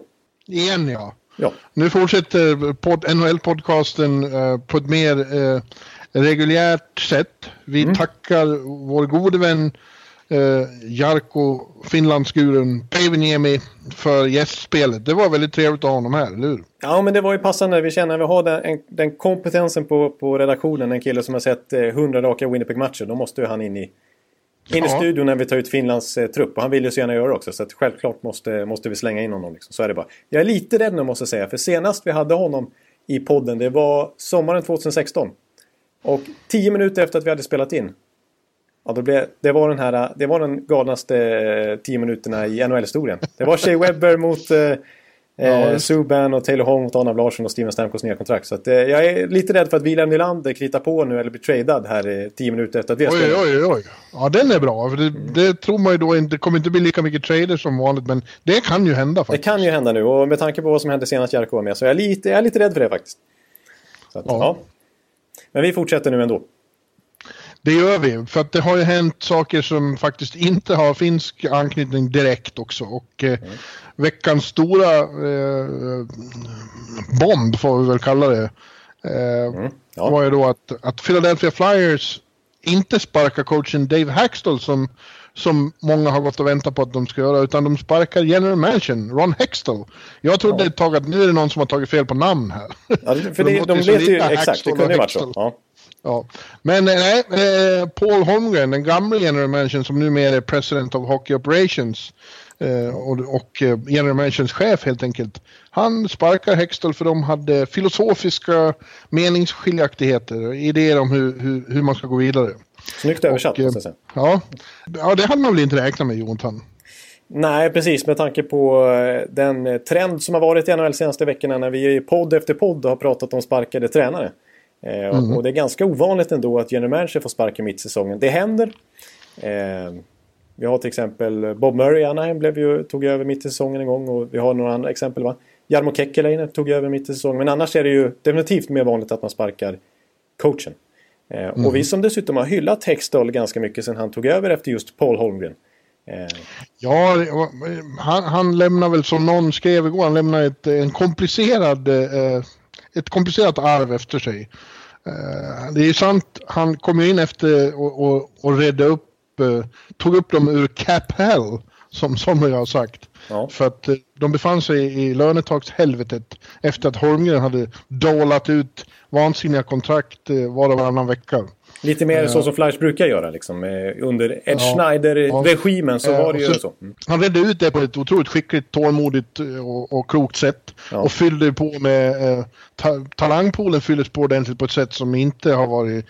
Eh, decennierna innan hade varit något kännemärke hos Flyers. Samtidigt är det ju hans ansvar mycket att, att laget ändå inte är så slagkraftigt. Eh, det är hans fel att de har så fortsatta målvaktsproblem. Och det är hans fel att Dave Haxton är coach. Ja. Ja, precis. Det är väl, det är väl hans liksom lite principer där. Hans tålamod och hans... eh, Ja, det som på ett sätt är så väldigt bra med det han har gjort är väl det som till slut fäller honom också. Att han... Just att Hackstall är ju hans gubbe liksom. Och en av hans principer är att han ska vara kvar. För att han har ju varit så pass... Uträttat så pass lite med det här lagbygget Hackstall att han borde inte få vara kvar egentligen. Men Hacks, Hextall då har liksom sett honom som sin... Lite prestige i att det är minsann han kommer vända på det här. Det är min gubbe, det var jag som tog in honom som coach. Och han, ja, i, i, precis som hela hans lagbyggetänk som också är bra som sagt då, men som samtidigt Flyers-fansen börjar tröttna lite på att det blickar så mycket framåt. Att, visst, han har fått ihop en otrolig prospect pool. Han har, han har gjort några fina trade. Han har lyckats bli av med alla de här tunga kontrakten och, och förvandlat det till en Travis Connectney till exempel som var ett första val eh, man tog utifrån en trade man gjorde. Eh, så att, eh, men, men just det, liksom, de bandroller och de chants man har hört i Philadelphia nu. att eh, Man tror att saker och ting ska hända genom att inte göra någonting. Eh, Ja, men det är ju helt klart. Framförallt den här säsongen så är Flyers ett av de lag som har underpresterat mest och är störst besvikelse. Eh, Jag såg dem ju som att de hade Eh, var på vippen i fjol och, och, och, och liksom ta det slutgiltiga steget och bli en contender. Istället har de ju tagit ett steg tillbaks i år. Ja. Jo, precis. Och då trodde man ändå lite nu när han för en gångs skull faktiskt tog in en fet free agent fisk när han vann budgivning om James Van Riemsdyk. Mm. Eh, och att det skulle, men visst, han har varit skadad i början av säsongen så han har bara varit med sju matcher nu under hösten så man kan skylla på det. Men ändå. Eh, nu trodde man ju verkligen att om de var på vippen i fjol så skulle det vara nu lyftet kom. Och, och både ägarna och styrelsen där uppe och, och fansen är lite liksom tycker jag att, jag menar Claude Giroux är 30 bast nu, Jakob Vorasek är upp på 30 också, Wayne Simmons har bara ett år kvar på kontraktet, 30 år. Alltså, man kan inte bara bränna iväg de här åren när, man, när spelarna i ens core fortfarande, fortfarande är i sin prime lite grann. Eh, och då, därför blir de lite... Tålamodet tog slut utöver för eh, just Hextall. Ja, men du säger precis som du var inne på där då att, att eh, det är mycket spekulationer om att, att han var beordrad av Holmgren och, och even higher up i Comcast-hierarkin och sparka Hextall. Han vägrar. Nu sparkar de Hextall för att kunna sparka hans coach. Ja, så, så går det förmodligen till då. Ja. ja. En- Men alltså jag måste säga, ja, eh, man måste nämna det här med målvaktssituationen för det är ju tragiskt. Hextall var ju målvakt själv, stormålis. Men han är den senaste riktigt stabila keepern de hade och det är ju hundra år sedan. Ja, det säger ju en hel del. Och det är, det är ju lite ironiskt att det är just Hextall som inte lyckas lösa det heller. Då. Att han får sparken lite på grund av det. Ja, det, men det, det, får han ju ta på sig för att i somras så gjorde han ingenting åt det utan tänkte att det kommer att gå. Det är liksom väntan på han, din, eh, din favorit. Hart. han? Mm. Ja. Eh, så att vi, vi kör med, med, med Elliot och Neuvert igen. Ja. Eh, ja, de är ju trasiga såklart. Och i, i, i helgen så stoppade de alltså in sin femte målvakt i kassan han tog ut eh, Pi- Picard, eller hur säger man? Ja, Pickard. Calvin Pickard. Picard. Mm. Ja, Picard tror jag. Ja, ja. Via, via våra uttal. ja, ja. Eh, nej, men, och då ställde de in Stolac och det var femte målvakten på 23 matcher. Det, du hör ju själv. ja det är ju parodi. Ja, det är, det är det är, faktiskt. precis vad det är. Eh, så det, det där är ju deras verkliga akilles... Men samtidigt, jag måste ju säga att, då, att jag tror inte riktigt på det här med att sparka general manager mitt under säsongen. Det tror inte jag är det minsta lyckat. Visst ska man byta general manager, men det ska man ju göra precis efter en säsong. Så att en ny... Stora problemet är att den som kommer in Ja. har ju ett otroligt svårt jobb framför sig. Och liksom bara hitta sin plats i hierarkin, eh, lära känna spelare och chefer och sätta sin egen prägel. De har ingen chans på en halv eller en tre fjärdedels säsong nu. Nej, nej, jag håller med om det. det. Då ska man liksom kliva in mitt i steget på något vis och rätta upp allting. Och med ganska höga krav på sig. Medan får du ta över i april till exempel. Efter att du har missat slutspelssäsongen över så har du ju... Då får du vara med i, hela liksom, draftuppbyggandet och sen inför hela off-season och eh, campen och allt det här. Liksom. Då, då sätter du ju verkligen din prägel på laget. Nu blir det ju att eh, släcka bränder lite grann. Är det något jobb som kräver liksom att planering och ha en lång planering och, så är det ju det jobbet för en general manager. Bygga en trupp. Liksom. Komma in i en trupp som redan är byggd. Eller som en halvkonstruktion. nu då. Jag, jag, jag tror inte på det riktigt. Samtidigt är det ju då så det är klart många vill ha det jobbet. Det låter ju som ett av de drömjobben man kan ha i NHL och general manager. Jag, jag, tycker att det är, jag måste ändå säga det att Hextall, Hextall, nu höll jag på att blanda ihop dem igen, men Hextall, Ron Hextall, Jerry Manchin, att hans arv ändå är ganska bra jämfört, speciellt i skenet av vad Holmgren lämnar över till sig. Men jag tycker Hextall ja. lämnar över sig ett väldigt attraktivt jobb. Alltså, det, var ju, det, det, som var problemet med Hextall var att han vågade aldrig gå vidare med det här laget, att riktigt satsa fullt ut. Vi har varit inne på mål, målvaktssidan, men överhuvudtaget, de har ju 7-8 miljoner i löneutrymme. Han är, han är lite rädd för att hamna i den här cap igen, som han har lyckats reda ja. ut. Och han eh, tänker att ja, Provorov och eh, Connectny och Patrick och de här ska ha nya kontrakt snart och kommer börja kosta mer så att vi, ska liksom, vi får inte sjabbla bort oss med någon dålig veteran igen. Men samtidigt så blir det ju så att man kommer aldrig riktigt någonstans om man aldrig vågar satsa. Eh, det måste man göra, det steget måste man våga ta. Och liksom Carter Hart är inte 100% säker att han blir någon supermålvakt till slut ändå. Det är många kanadensiskt superhypade målvakter som inte har blivit någonting. En, eh, det tog många år, nu är han amerikan visserligen, men det tog ett tag för John Gibson att slå igenom som jag har hypat så länge. Och Jake Allen i St. Louis är ju ingen franchise supermålvakt heller. Eh, så det är ju inte säkert liksom. Eh, att, att Carter kommer reda ut. Och framförallt inte nu på kort sikt.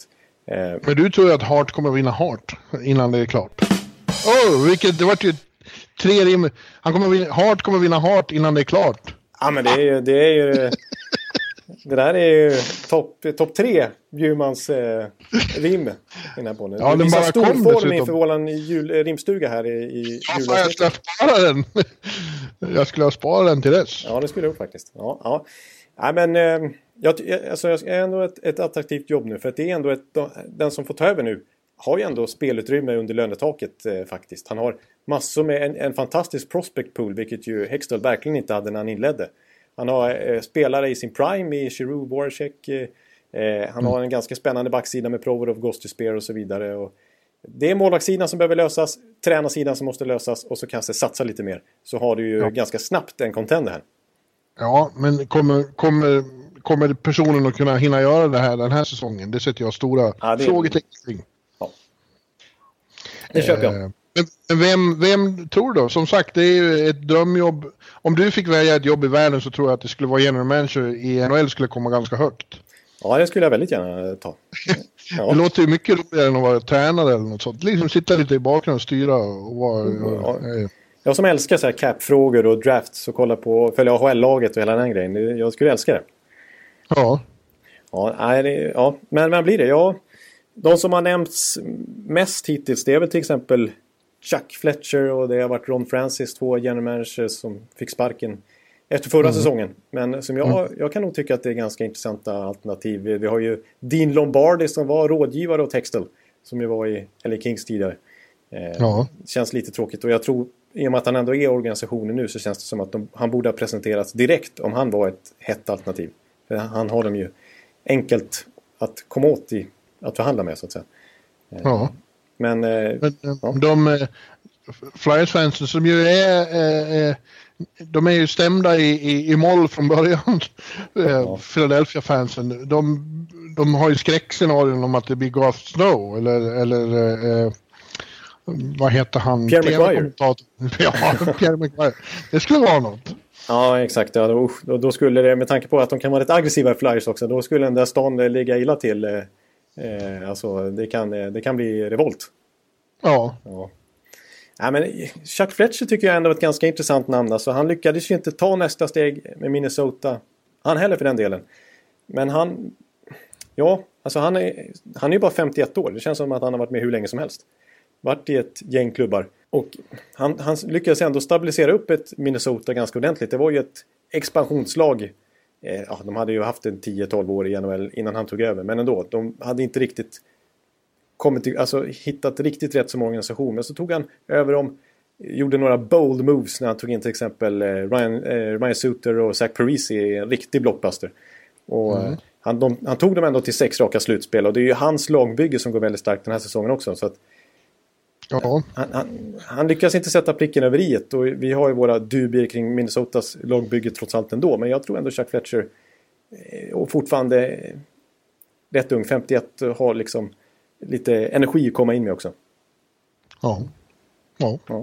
ja det är svårt att spekulera. Rimligen har väl Holm en, en idé om vad han vill ha in. Ja, bara inte blir han själv. Nej, det skulle inte vara så lyckat. Ja, då, nej, precis. Men det är annars, det är annars eh, Flyers, the fly away liksom. Alltså det, det är stora trader liksom. Det är ju... Han tog in Danny Breer, han tog in Kimmo Timonen, han, alltså Holmgren. Han tog in Jaromir Jagr, han tog in Le Cavalier. Han tog in Chris Pronger. Mm. Eh, och innan han tog över liksom Ed Schne- hela Ed Schneiders period, det var ju Eric Lindros-traden en gång i tiden som är en, en av de största affärerna i amerikansk proffsidrott. Det är, eh, han tog tillbaks Peter Forsberg har de haft, och, då, och det är Tony Amonte och det är, det är mängder med enorma affärer i, i Flyers historia. Så att det är det de förväntar sig nu, att den nya RMR ska komma in och, och verkligen våga satsa med det här lagbygget nu.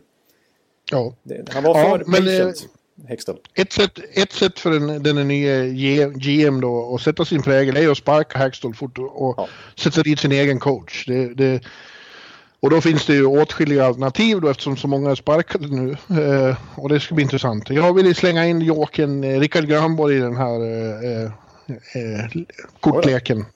Det är inte otänkbart. Det surras mycket kring honom faktiskt.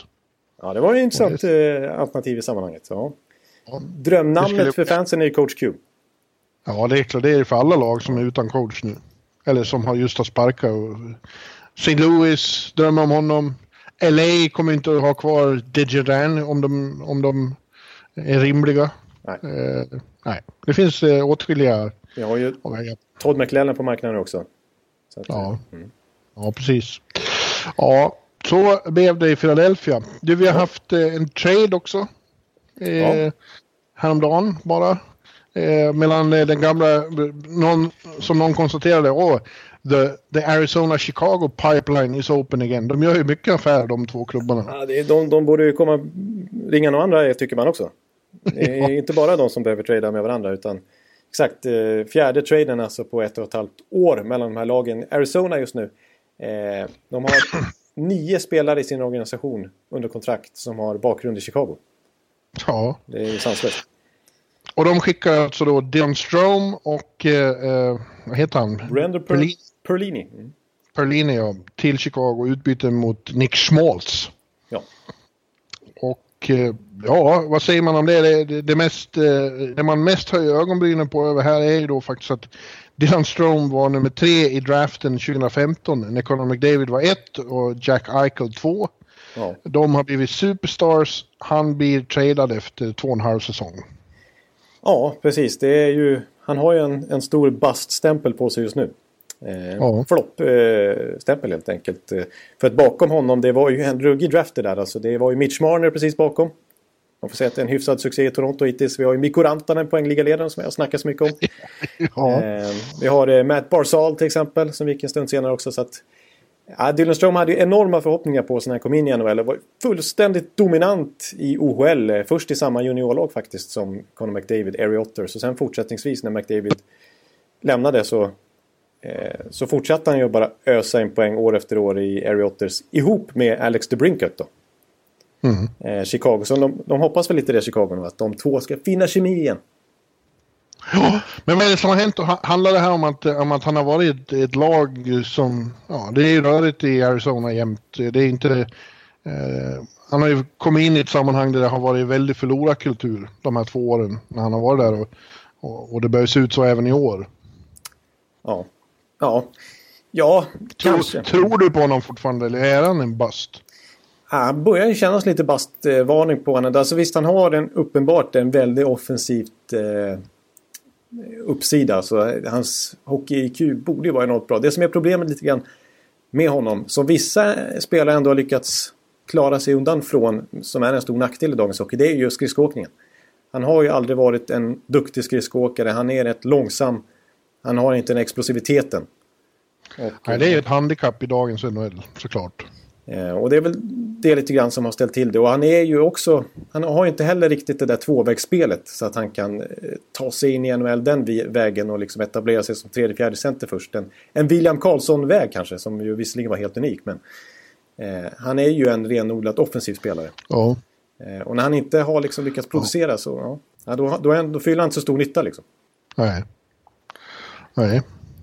Nej, eh, jag, eh, jag tycker jag har, jag har tyckt om honom det jag har sett honom. Jag har inte, jag har inte studerat honom lika noggrant som du har. Men, men jag har alltid haft ett gott öga. Men, men eh, nej, det känns ju... Eh, man väntar verkligen på någon utväxling. Och eh, i, i Chicago då finns det ju spelare han skulle kunna liksom hamna i ett bra sammanhang med men jag såg ju att han var placerad första träningen i fjärde kedjan och det låter inte som att det kommer att bli så bra. Ja, de, de börjar inte med att eh, ge han tog chansen direkt här, utan jag vet inte, Colleton kanske har en tanke om att han ska liksom bara få känna på det. För början inte ha så hög, hög press på sig i, i liksom fjärde kedjan och få lära känna laget lite grann. Men, nej, annars för att det här ska bli en succé för Chicago den här traden, för att det är ju den, det är ju den spelaren med störst grundpotential tycker man.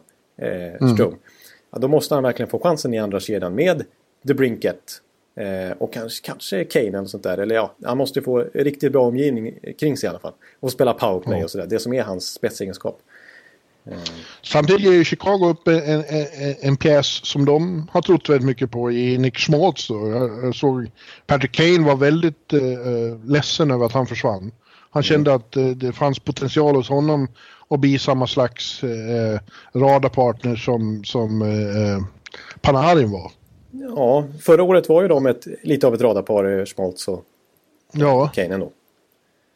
I think the world of the kid, sa han. Och lät som en annan Elaine på Elaines. Oj, oj, oj. Ja. ja. Uh, men, uh, ja. Varför tror du, varför ger de upp honom då? Ja, det grejen är att nu låter det som att man ger upp en lite mer etablerad spelare i Schmaltz. Och visst är han ju, men han är bara ett år äldre än Strome. Eh, Perlin är också 96 precis som Schmaltz och Söderström som är 97 då. Så det är ju liksom tre unga spelare. Tre första val. Alla tre gick i första rundan. Eh, så, ja, jag vet, grejen med Schmaltz alltså, som, som jag tycker är hans nackdel lite grann. Det är lite samma sak med, med både med Perlini också faktiskt och inte minst Strome. Det är inställningen också lite grann. Det är inte riktigt den där unga, fräcka, rappa, ettriga spelstilen på någon av de här tre. Kanske lite på Perlini, men Schmaltz han varierar i arbetsinsats från kväll till kväll. Han kan vara helt avslagen ibland tycker jag. Och, mm. och ibland har han inspirationen och han är lite för mycket humörspelare Schmaltz tycker, tycker jag. Eh, annars har han ju skridskoåkningen, han har, ett, han har väldigt bra passningsspel. Han har gjort ett, ett, ett gäng mål också trots att han inte är målskytt egentligen. Nu har det bara blivit två den här säsongen. Men förra blev det ju 21 när han hade fantastisk utdelning när han, han och Kane eh, lirade ihop. Men eh, så att Schmaltz alltså jag, jag, måste säga att jag är inte helt såld på honom heller ändå måste jag säga. Trots att många tycker att, att det är en bra spelare som Arizona får in. Ja, ja Saken är ju dock den att Arizona definitivt behöver göra något. För att eh, de här positiva tendenserna vi har sett till och från den här säsongen, de har ju mest varit vad som här kallas false starters. För sen har de ju, eh, på slutet har de ju brakat ihop helt emellanåt här. Och jag satt och såg matchen mot, eh, vilka var de? Calgary. Calgary, mm. Calgary helgen. Det, det, var ju snudd på patetiskt. Ja, det, du, du, du skickade ju ett sms där. Det är pinsamt. Vad Kyoto just nu. Släppte in två mål i numerärt överläge till exempel. Ja, och jag envisas med att tro på dem hela tiden, men nu ska jag sluta med det. Nu har du lagt ner. Nu kör du så Carolina statement. Carolina ja, har börjat tappa lite grann på också. Ja. Ehm, ja, nej. Det, ja, mitt problem med, med eh, Arizona och som jag tycker Schmaltz är ett typexempel på den typen av spelare. Alltså de har många unga, intressanta, spännande spelare. Men de har liksom inga go-to guys som kan lyfta deras offensiv. För det är samma sak i år igen. Man tycker de har en spännande offensiv. Men det är bara Ellie King som har gjort färre mål. Alltså, ja. jag tycker det. Det är liksom så här, Galchenjuk, spännande spelare. Men man vet att hans, han kommer förmodligen stanna där kring 60 poäng en bra säsong. Eh, Alltså, eh, Clayton Keller har inte varit lika framstående som i fjol. Nej, jag, jag tror mycket på Keller. Det är väl deras största eh, potentiella stjärna tycker jag. Men, men också precis haft en liten tung start i år. Och så här, eh, en, liten, en, en, liten, en liten vad har han haft? En liten vad? Tung start. Ja, vad säger vi då? Sophomore slump. Yes! Oh, där kom det, just det. Att jag har missat den nu i två avsnitt i rad, det är, det är bakläxa. ja. ja. Ja, och de skulle behöva en vad? De skulle behöva en vad? En vad? Ja, en one-to-punch är ju det som de verkligen ja! behöver. Alltså. För att, eh, jag tycker då att eh, Derek Stepan som ingick i en ganska svajig one-to-punch i New Ukrainers en gång i tiden. Han är ju en bra center, Derek Stepan, men han ska ju vara andra center. En contender ja, kan, kan ju inte ha han som första center för han är ju otroligt stabil kring 55-60 poäng varje år. Flera, flera, flera, flera år i rad. Eh, men det räcker ju liksom inte. Nej. Eh, så att, och det är liksom, du vet, det är de här Panik och det är Christian Fischer och Dvorak. Och det, det, är liksom, det är spännande spelare men det blir inga go-to guys poäng per matchspelare. Utan det är de stannar kring 60 poäng och det, då kommer man inte så långt. Eh, du kan ha hur många sådana som helst men du behöver killar som levererar kväll efter kväll. I större utsträckning än vad, det, vad som sker i Arizona. Ja, de får vara för, för, för att få till en övergång här då så får man säga att de får vara glada att de åtminstone inte chansade på eh, Ilja Kovalchuk. Ja, snyggt. Och hoppades, att, aha, och hoppades att han skulle eh, komma in och, bli Messias. Det trodde ju då Los Angeles Kings och eh, skrev ett dyrt treårskontrakt med den 35-årige ryssen som har varit i KHL i fem år. Ja. Och eh, nu börjar det faktiskt se ut som att det var ett kraftigt misstag. För att eh, han har inte levererat och nya coachen, Willy De- Desjardins, verkar inte tycka om honom alls. Han bänkade honom senast och har stoppat ner honom i fjärde kedjor och, och whatnot. Exakt, alltså han spelar med Mike Mario och Nate Thompson här. I en riktig scoring-kedja. Om man säger senast. Ja. Nere på sex minuters istid. För Kowalczyk alltså. Nej, det är... Ja. Och grejen är att det förstod man att det skulle vara en, en chansning kanske värd att ta då på ett år som ju många var inne på. Ja. Och, och det hade ju ingen kunnat eh, klaga på om det hade blivit en, en bust på ett år. Det är så här, ja tyvärr det gick inte. Men grejen är ju att Kings köpte hans och hans agents idé om att han måste ha tre år. Och, och, och det kan ju stå dem jävligt dyrt. Alltså. Ja, de som redan sitter fruktansvärt illa till med ja, gamla överbetalda föredettingar får man ändå säga.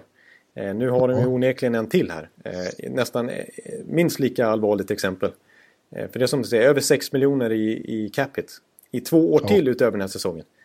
Eh, Ja, bittert. Det är ytterligare ett symptom på att något inte alls är som det ska i Los Angeles just Ja, nu. är, det är inte mycket rätt här från eh, Rob Lakes sida sen han tog över Dean Lombardi som inte avslutar speciellt starkt heller. Eh, Nej. det, det, alltså Kings... Eh, nej, han nej det, det ser riktigt illa ut alltså. Det är, det är knappt så att Blake ska få sitta kvar den här säsongen heller eh, faktiskt.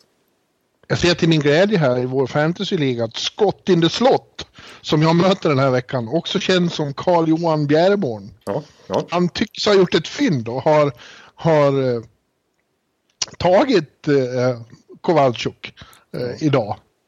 På, ja på Free Agency.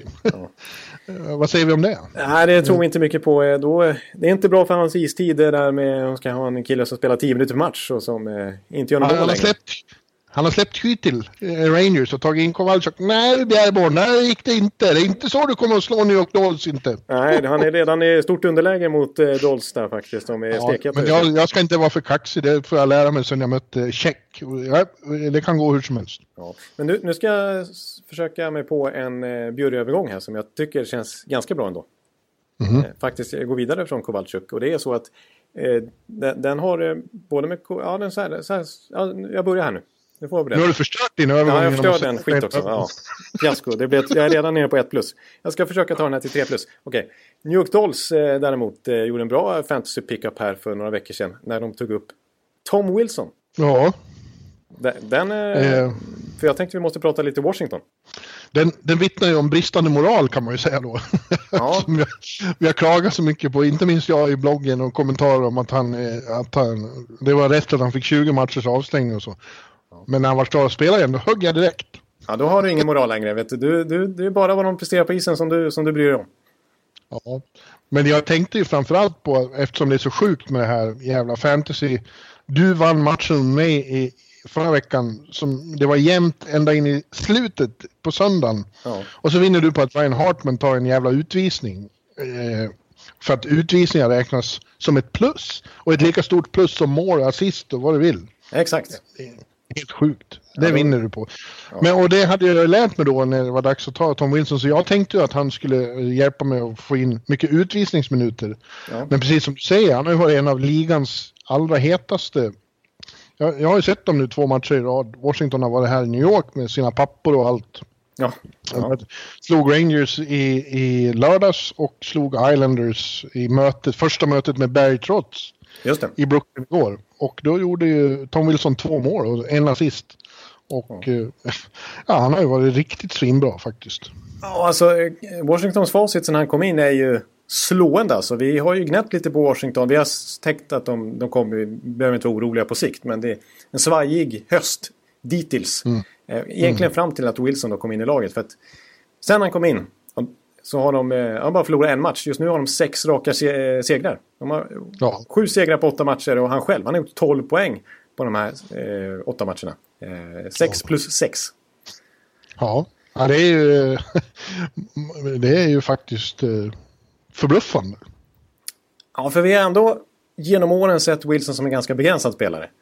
Ja, det har vi. Och vi har definitivt fokuserat mycket på, på sånt han gör dåligt. Det vill säga ja, headhunta och fokusera på fel eh, saker på isen. Men Han är kontroversiell och han har dåliga sidor men, men det är ju ingen tillfällighet. De, de som blir blinda av det och inte kan se att Washington faktiskt har nytta av honom också, de är ju dumma. ja, alltså, han hade ju ganska stor del i, i Stanley Cup-segern faktiskt här senast. Alltså, han var ju fantastisk i det slutspelet. Och sen, alltså hela, ja, alltså när han på allvar liksom placerar, han har ju till och från varit uppe med i första kedjan och blivit ifrågasatt. Och när han har producerat så har han allt, alltid sagt att det är på grund av sin fina omgivning som han gör mycket poäng. Och till viss del ja. Men han var ju Ja, glödhet. men det finns anledning till att, till att man får vara i den omgivningen. Ja, och ska vi se... Det är inte så att jag skulle bli bra för att jag var i den omgivningen. Nej, och det, kolla på den här eh, hösten till exempel. De, alltså, I Wilsons frånvaro så testade de fem olika ytterforwards. Ingen funkade ihop med, i det fallet, Kuznetsov och eh, Ovechkin. Liksom, med fantastiska förutsättningar. Men Wilson, har, alltså, han har ju varit otroligt bra. Nu spelar han över 20 minuter per match. Nu får han verkligen förtroende.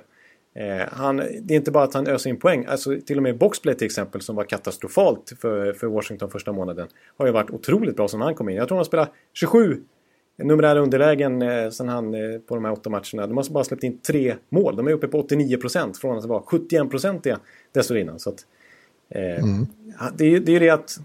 Alltså, och framförallt tror jag lite grann nu i novemberlunken så här. Alltså Wilsons energi har ju liksom smittat av sig på hela... För det, är- det är därför han fick det här kontraktet på över 5 miljoner dollar per säsong som var så kontroversiellt det också i somras.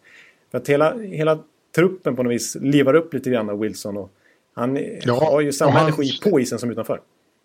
Hans energi är ju dessutom ackumulerad nu eftersom han satt de där 20 matcherna. Så att, eh, eh, indirekt så har ju både han och laget då haft nytta av att han blev avstängd faktiskt. Ja. Att han kom in med liksom premiärenergi i, i slutet av november.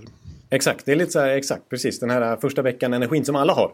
Den, Mm. den har Wilson med sig just nu. Det är ju klart. Och han har ju till och med fått med sig väl ett gäng utvisningar också istället för att bara dragit på sig massa. Att, eh, Ja, men han får gärna fortsätta dra på sig utvisningar. Det är bra för mig. ja, just det. Du vill ju ha det. Nu, nu ska vi komma, återkomma till det. Precis, han får gärna ta lite... lite Nej, men, men det är ju så. Han är kontroversiell och han har gjort saker som verkligen inte alls är bra. Och, och eh, man blir förbannad på honom. I synnerhet då när man tänker var- varför ägna sig sån här skit när han gör så stor nytta ändå. Ja. Ja, precis. Det, det gnäller man ju på. Men kan han fortsätta som han gör nu när han faktiskt har avstått den typen av dumheter och kanske, kanske har lärt sig en läxa trots allt med tanke på att nästa gång han stängs av igen så då blir det ju 20 matcher igen. Liksom Ja, det- det finns ingen som helst anledning att fullfölja tacklingar bara för fullföljandets skull. Skit i det när det går så här bra ändå. Exakt, precis. Så, ja, nej, han är faktiskt... eh, Jag gör bara en sån sak till exempel att nu har ju faktiskt Kuznetsov och Orsi varit borta ett tag. De har varit borta ungefär sedan Wilson kom in. Men eh, man tycker ju liksom på pappret att ett Washington med Kuznetsov och Orsi utan Wilson ska gå, ska gå bra ändå. Men det har gått fantastiskt bra nu utan Kuznetsov och Orsi med Wilson. Med hans energi här i novemberlunken. Det är klart att de måste få tillbaka de där spelarna. Det kommer höja dem enormt. Men eh, när de är inspirerade. Men ja, alltså Wilsons energi kan betyda mycket. Det är ingen snack om, som sagt jag har sett dem nu några gånger, de har inte spelat, de har spelat långt ifrån sin bästa hockey. Det, men man ser glimtvis när de, när de samlar sig liksom. Och, eh, så är Washington ett lag med potential att göra om det här. Alltså. Och i synnerhet som du säger, när de får tillbaka Kuznetsov och Oshie. Eh, ja, det, det, de, de kommer att vara med och utmana igen, det är inget snack om det.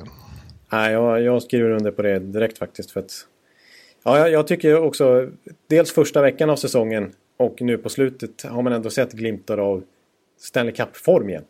Alltså när de är en maskin. Jag tror, det- jag tror Ku- Kuznetsov är tillbaks. Kusi. Jag såg honom igår i en periodpaus i Brooklyn. Han stod och, och, och samlade på sig pretzels i pressrummet. Han stod i shorts, badtofflor och hoodie. Och jag tänkte, vad är det för spel? Jag såg att det var en hockeyspelare, men jag såg inte vem det var. Och så vände han sig om, då var det Kuznetsov. Oj, oj. Ja, jag har bara sett honom live en gång och då var han... Det var faktiskt Stockholm han var på en sån här pressträff och jag har aldrig sett en... Li, aldrig live sett en spelare vara så uppklädd som han var då. Det var raka motsatsen. Nej. En, en riktig Ja, chocklila eh, kostym. Den var inte diskret. Ja, de har som du säger sex segrar i rad. Det finns bara ett lag som har fler segrar i rad. Och det är Buffalo Sabres. Så där ser en övergång ut, Ekelid. Ja, liksom inte, du måste inte presentera övergången och, och sådär. Stanna upp och betygsätta den innan du tar den. Nej, det var, Nej. den var smidigare faktiskt. Jag håller med. Ja. Buffalo Sabres är alltså uppe i nio segrar i rad. De möts ikväll när vi har spelat in det här. Spelar de mot San Jose hemma och tar de en tionde så är det tangerat klubbrekord Ja. någonsin. Eh, och det är ju verkligen, vi har, vi har pratat mycket om Buffalo men, men det är ju fortfarande man, man spärrar upp ögonen eller, eller gnuggar sig i ögonen eh, över det här. Vi, vi, de har ju varit slag på sig i många, många år och ja, vi, vi, vi spekulerade i att nu kan, kan nog eh, resan uppåt börja. Men eh, eh, det här är ju sensationellt. De har ju helt Ja. tagit över rollen som fjärde laget i Atlantic från Florida. Ja, precis. Och eh, nu är de ju före ett skadeskjutet Boston lite grann. De känns ju hetare nu. Inte bara för de här nio segrarna, men kanske på sikt också den här säsongen. Vi får se. De är före Toronto med faktiskt. Ja, alltså grejen är att under helgen under en period så var de ju etta i hela NHL. Då var de faktiskt nå- Ja. något dygn före Tampa och Nashville. Eh, Då, från alltså att sluta sist i NHL till att leda bara ett halvår senare. Ja. Det, det är sanslöst. Men, men eh, ska jag vara lite hård mot Buffalo, eller hård ska jag inte säga, men eh, sned var lite sådär eh, som jag var mot Jarko. Ändå försöker ifrågasätta lite grann. Så, eh, alltså, det är ju nio raka segrar. Men åtta av de här nio segrarna har varit med uddamålet. Otroligt tajta matcher. Sex av de här nio matcherna har varit förlängning. Så att de har ju verkligen haft, och det är en styrka naturligtvis att lyckas vinna alla de här tajta matcherna. Det är ju Ja, jag skulle just säga det. Jag förstår inte var kritiken kommer här. Det, och, och, och i åtskilliga av dem så har de kommit tillbaka från underlägen och vänt.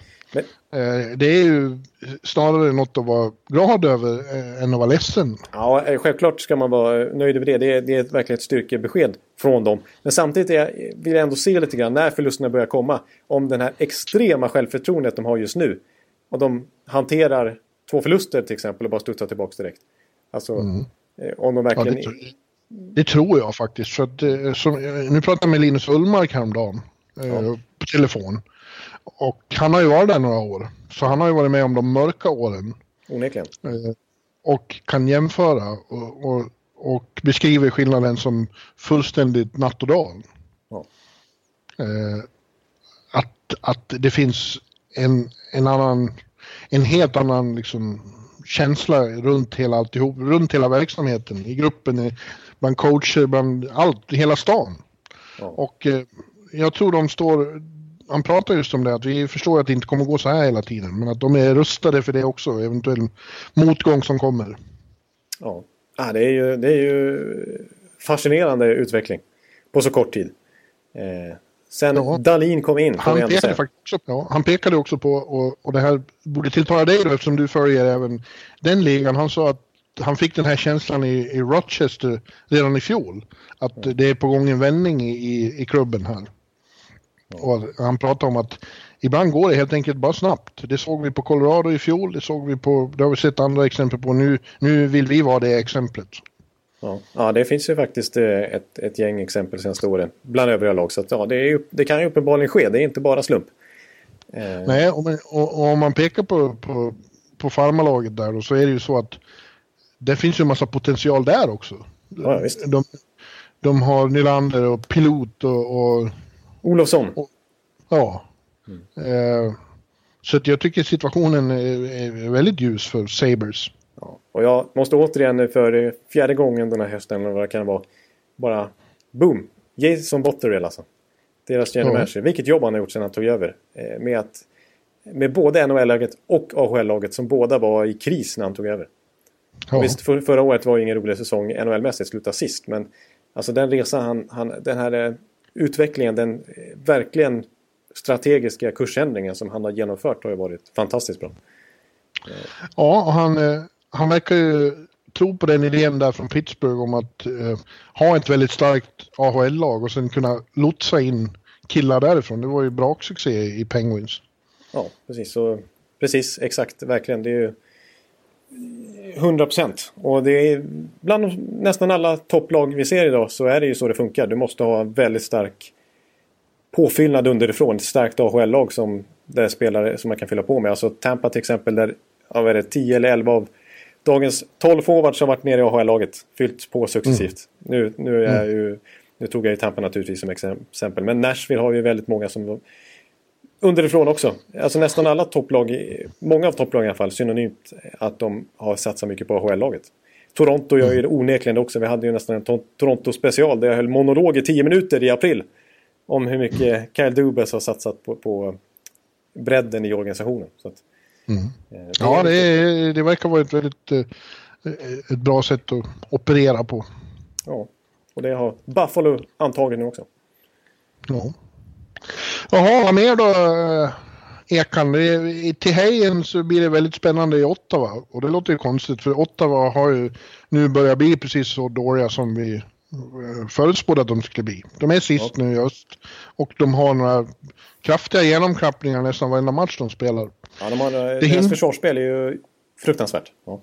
ja, det hindrar inte att det kommer att bli eh, big time halabaloo i den kanadensiska huvudstaden till helgen. För vem kommer tillbaka till stan om inte Erik Eko65 Karlsson? Oj, oj, oj. Oj, King oj. Carl kommer med San Jose Sharks till eh, Ottawa på lördag och det är matiné. Matchen börjar klockan ett så det, Sverige kan följa detta. 19 eh, helt enkelt. Ja, det, det alltså Tänk dig det. Det kommer att bli fullständig hysteri i Ottawa. Erik är tillbaks och allt med vad det innebär i, i, i konflikter och allt som har varit där. Ja. Jag undrar hur han känner sig. Det måste kännas otroligt konstigt att komma tillbaka till sin... Det är som att du skulle flytta från Örby. Ja, och komma tillbaka. ja. Och spela för BS igen. Oj, oj, vilka grejer. Det, det, det skulle man vilja se. Ja. ja. folk skulle vara ute och tuta i bilarna. Ja, det, runt. Det, det vet jag ju.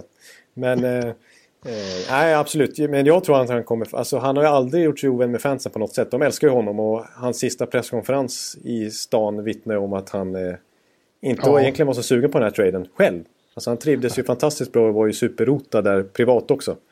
Jag tror att det kommer att bli enormt emotionellt. Jag tror att det kommer att vara så här jubel varenda gång han kommer in på isen. Ja. Varje gång han rör pucken och det kommer att vara så här hyllning i tronen.